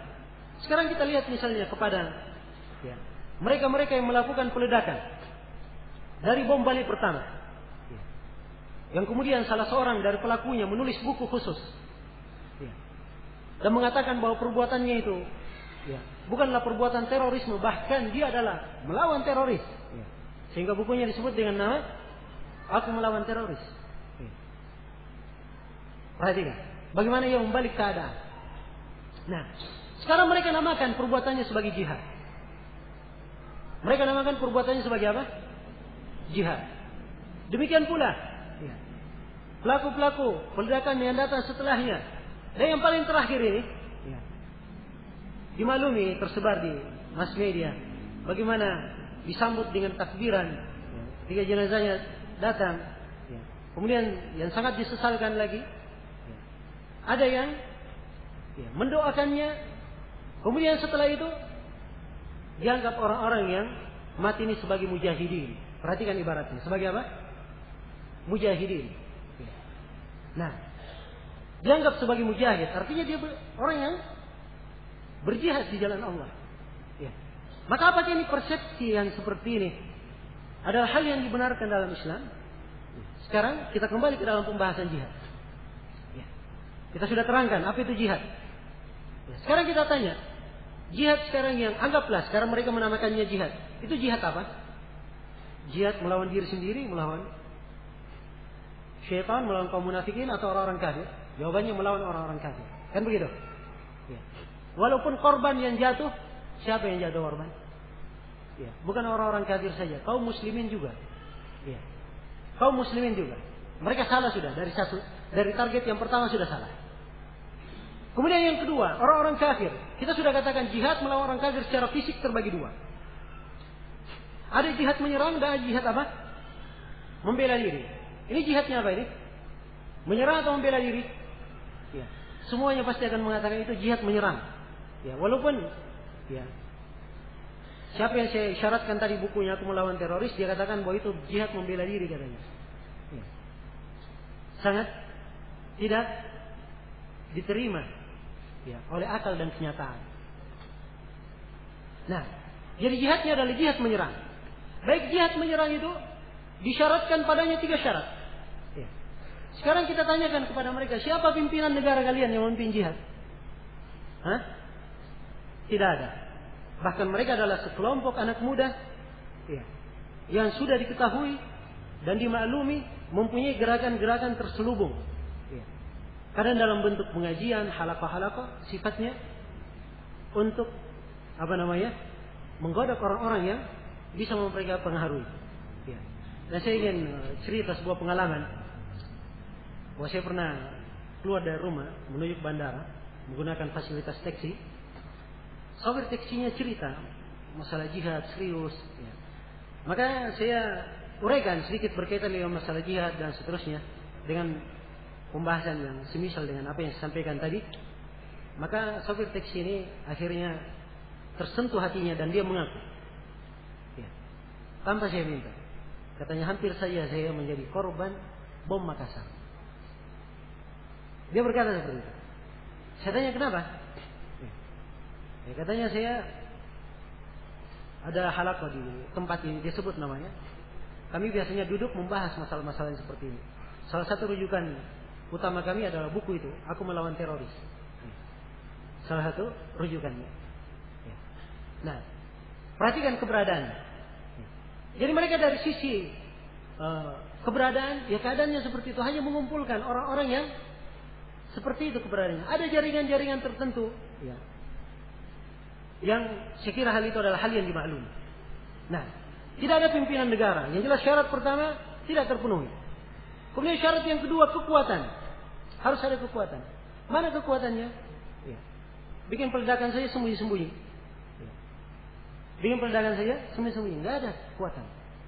Ya. Mana wilayah kekuasaannya? Ya. Ini gak usah dijawab ya. Jawabannya lebih lucu lagi. Baik.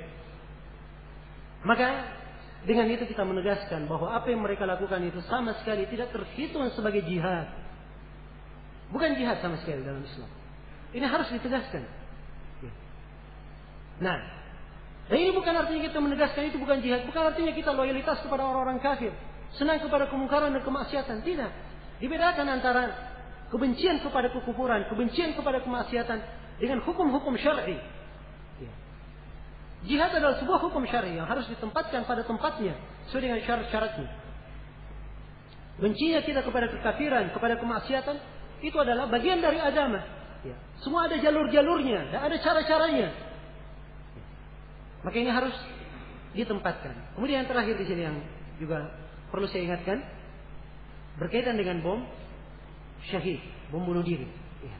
Apakah itu terhitung dari jihad atau tidak? Dan ini pembahasannya di untuk di buku uh, ini.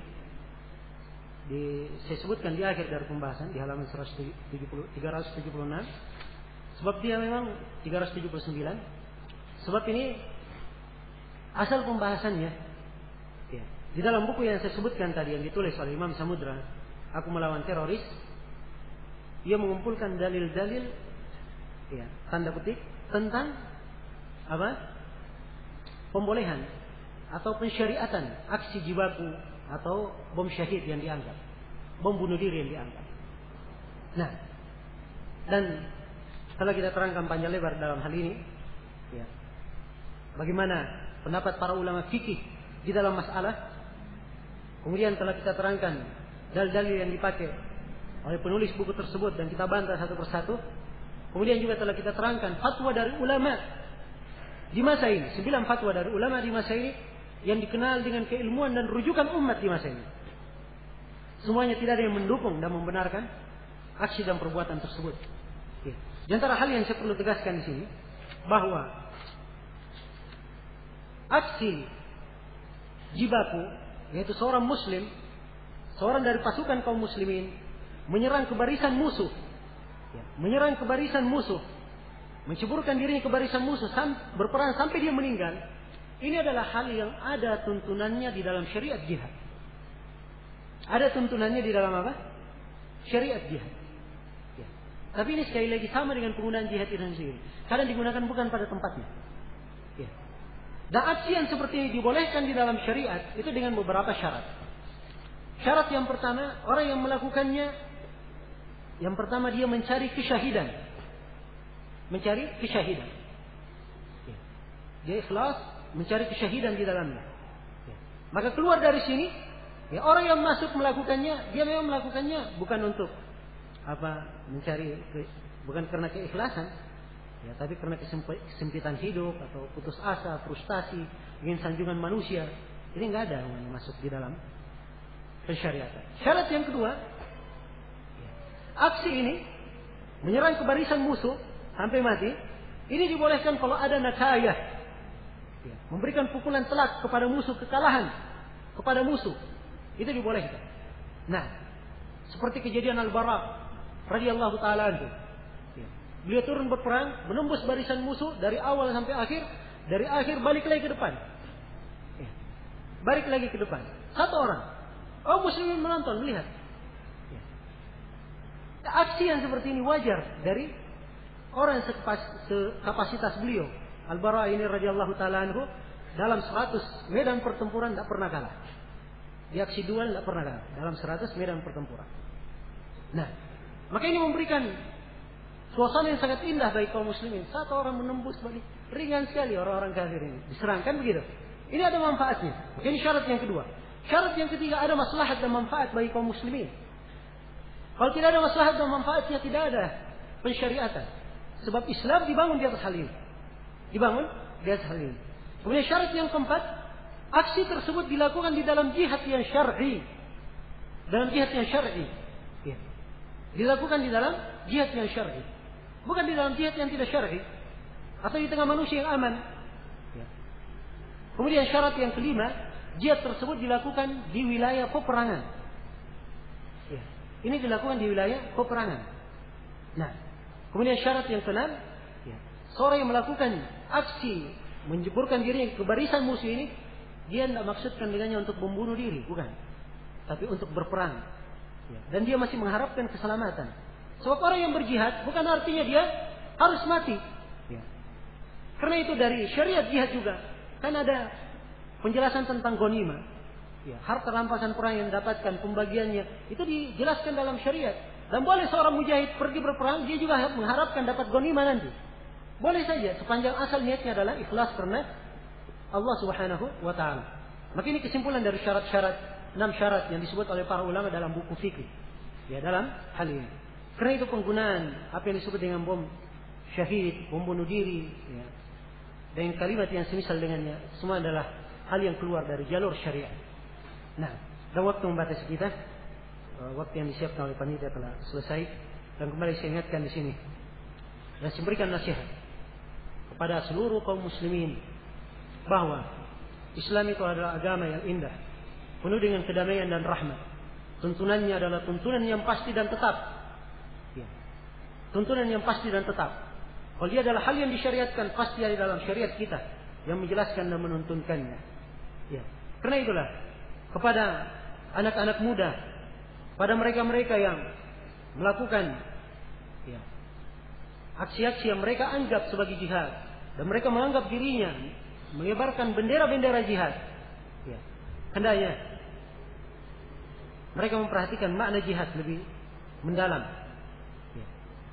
Dan memikirkan bahwa perbuatan-perbuatan yang mereka lakukan tersebut dampak negatifnya sangat banyak sekali. Tidak mendatangkan kebaikan untuk Islam dan kaum muslimin. Tidak mendatangkan kebaikan untuk Islam dan kaum muslimin. Bahkan yang terjadi tersempitnya ruang lingkup dakwah kaum muslimin. Tertindasnya kaum muslimin di negeri-negeri lemah. Ya. Di negeri-negeri lemah. Mungkin kita umat Islam di Indonesia ini alhamdulillah kita berbahagia. Ya. Kita mayoritas pimpinan negara kita juga seorang muslim. Ya. Tapi di negeri-negeri yang kaum muslimin minoritas Bagaimana kesengsaraan dan penderitaan yang mereka dapatkan akibat perbuatan sebagian orang.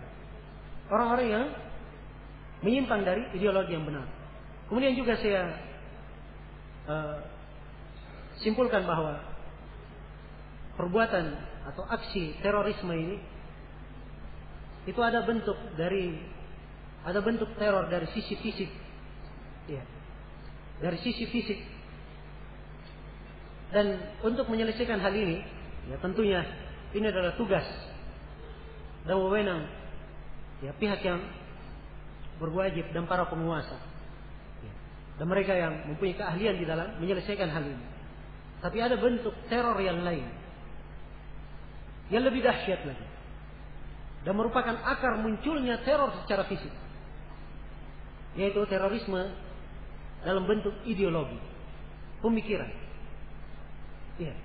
Sekarang anak-anak muda ini, kenapa mereka berani dengan sangat militannya, dengan sangat gagah perkasanya, ya, melakukan aksi-aksi peledakan, mengorbankan dirinya. Ya. Karena mereka diberikan ideologi tentang bidadari akan menyambutmu, ya, mati syahid, ya. kepastian masuk sorga, kenikmatan dan seterusnya.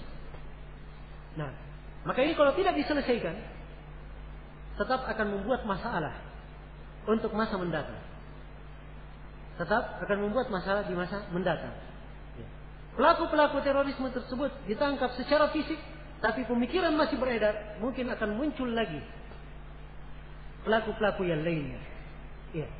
Karena itulah dari harapan hendaknya setiap orang-orang yang berilmu dan orang-orang yang diberikan kekuasaan oleh Allah Subhanahu wa taala untuk melihat tanggung jawabnya masing-masing.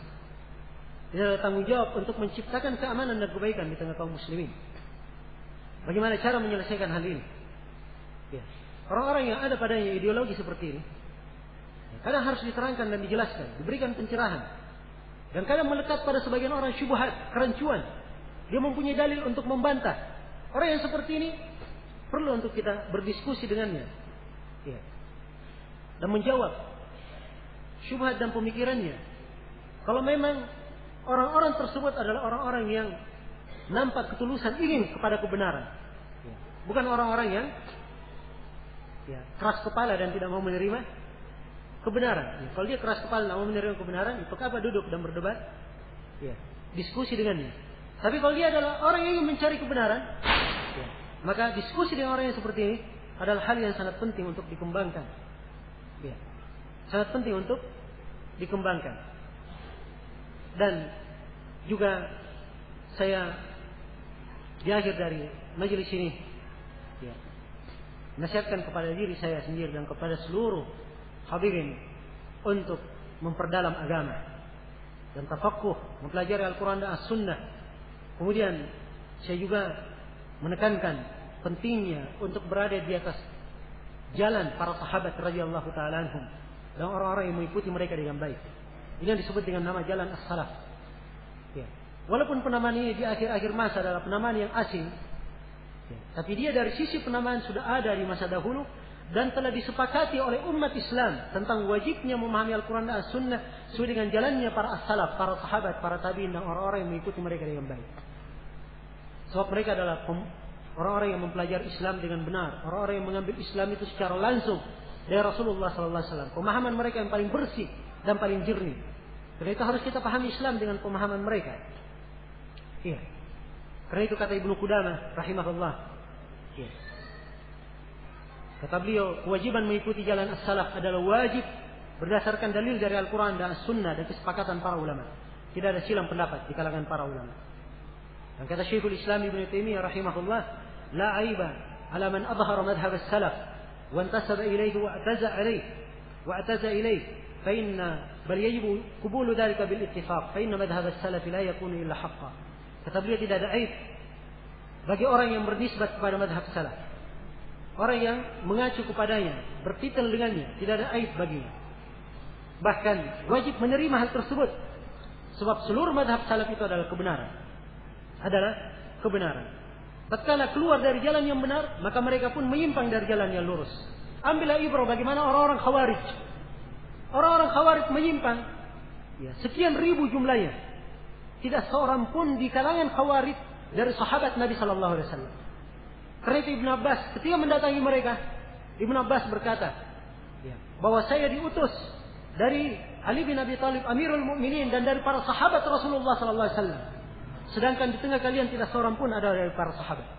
Kemudian Ibn Abbas mendebat mereka dan rujuklah dari orang Khawarij itu 2000 orang. Ya. Dan ketika orang-orang Khawarij dari Baghdad datang ke kota Medina, di pikiran mereka orang yang berbuat kemaksiatan itu kafir. Penduduk neraka pasti kekal di dalam neraka. Kalau dia diancam dengan neraka pasti masuk neraka. Ini pemikirannya orang-orang khawarij. Sebab mereka mengkafirkan pelaku dosa besar. Maka mereka tatkala duduk kepada Jabir ibn Abdullah, sahabat Rasulullah.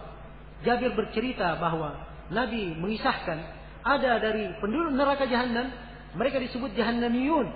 Ya, sudah masuk neraka jahanam, kemudian dikeluarkan, dimasukkan ke dalam surga. Ya. Maka dari hadis dari sahabat ini, ini meluruskan pemahaman mereka yang keliru. Karena itu sangatlah wajib untuk merujuk kepada pemahaman as-salaf di dalam meluruskan pemahaman agama sehingga seorang itu tidak menyimpang dari jalan yang lurus.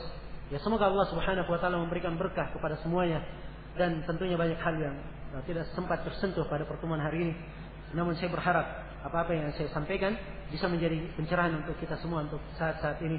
Dan semoga Allah Subhanahu wa taala mengampuni segala kesalahan kita dan mengampuni segala kekurangan kita. Dan saya bermohon kepada Allah Subhanahu wa taala semoga Allah Subhanahu wa taala senantiasa menjaga kaum muslimin di negeri ini dan senantiasa melindungi kaum muslimin dan senantiasa memberikan petunjuk kepada saudara-saudara kita kaum muslimin orang-orang yang menyimpang dari jalan yang lurus orang-orang yang melakukan kesalahan yang mereka kadang tidak sadar bahwa mereka sangat merugikan Islam dan merugikan kaum muslimin. Wallahu taala alam. Subhanakallahumma bihamdik asyhadu an la ilaha illa anta astaghfiruka wa atubu ilaik walhamdulillahi rabbil alamin.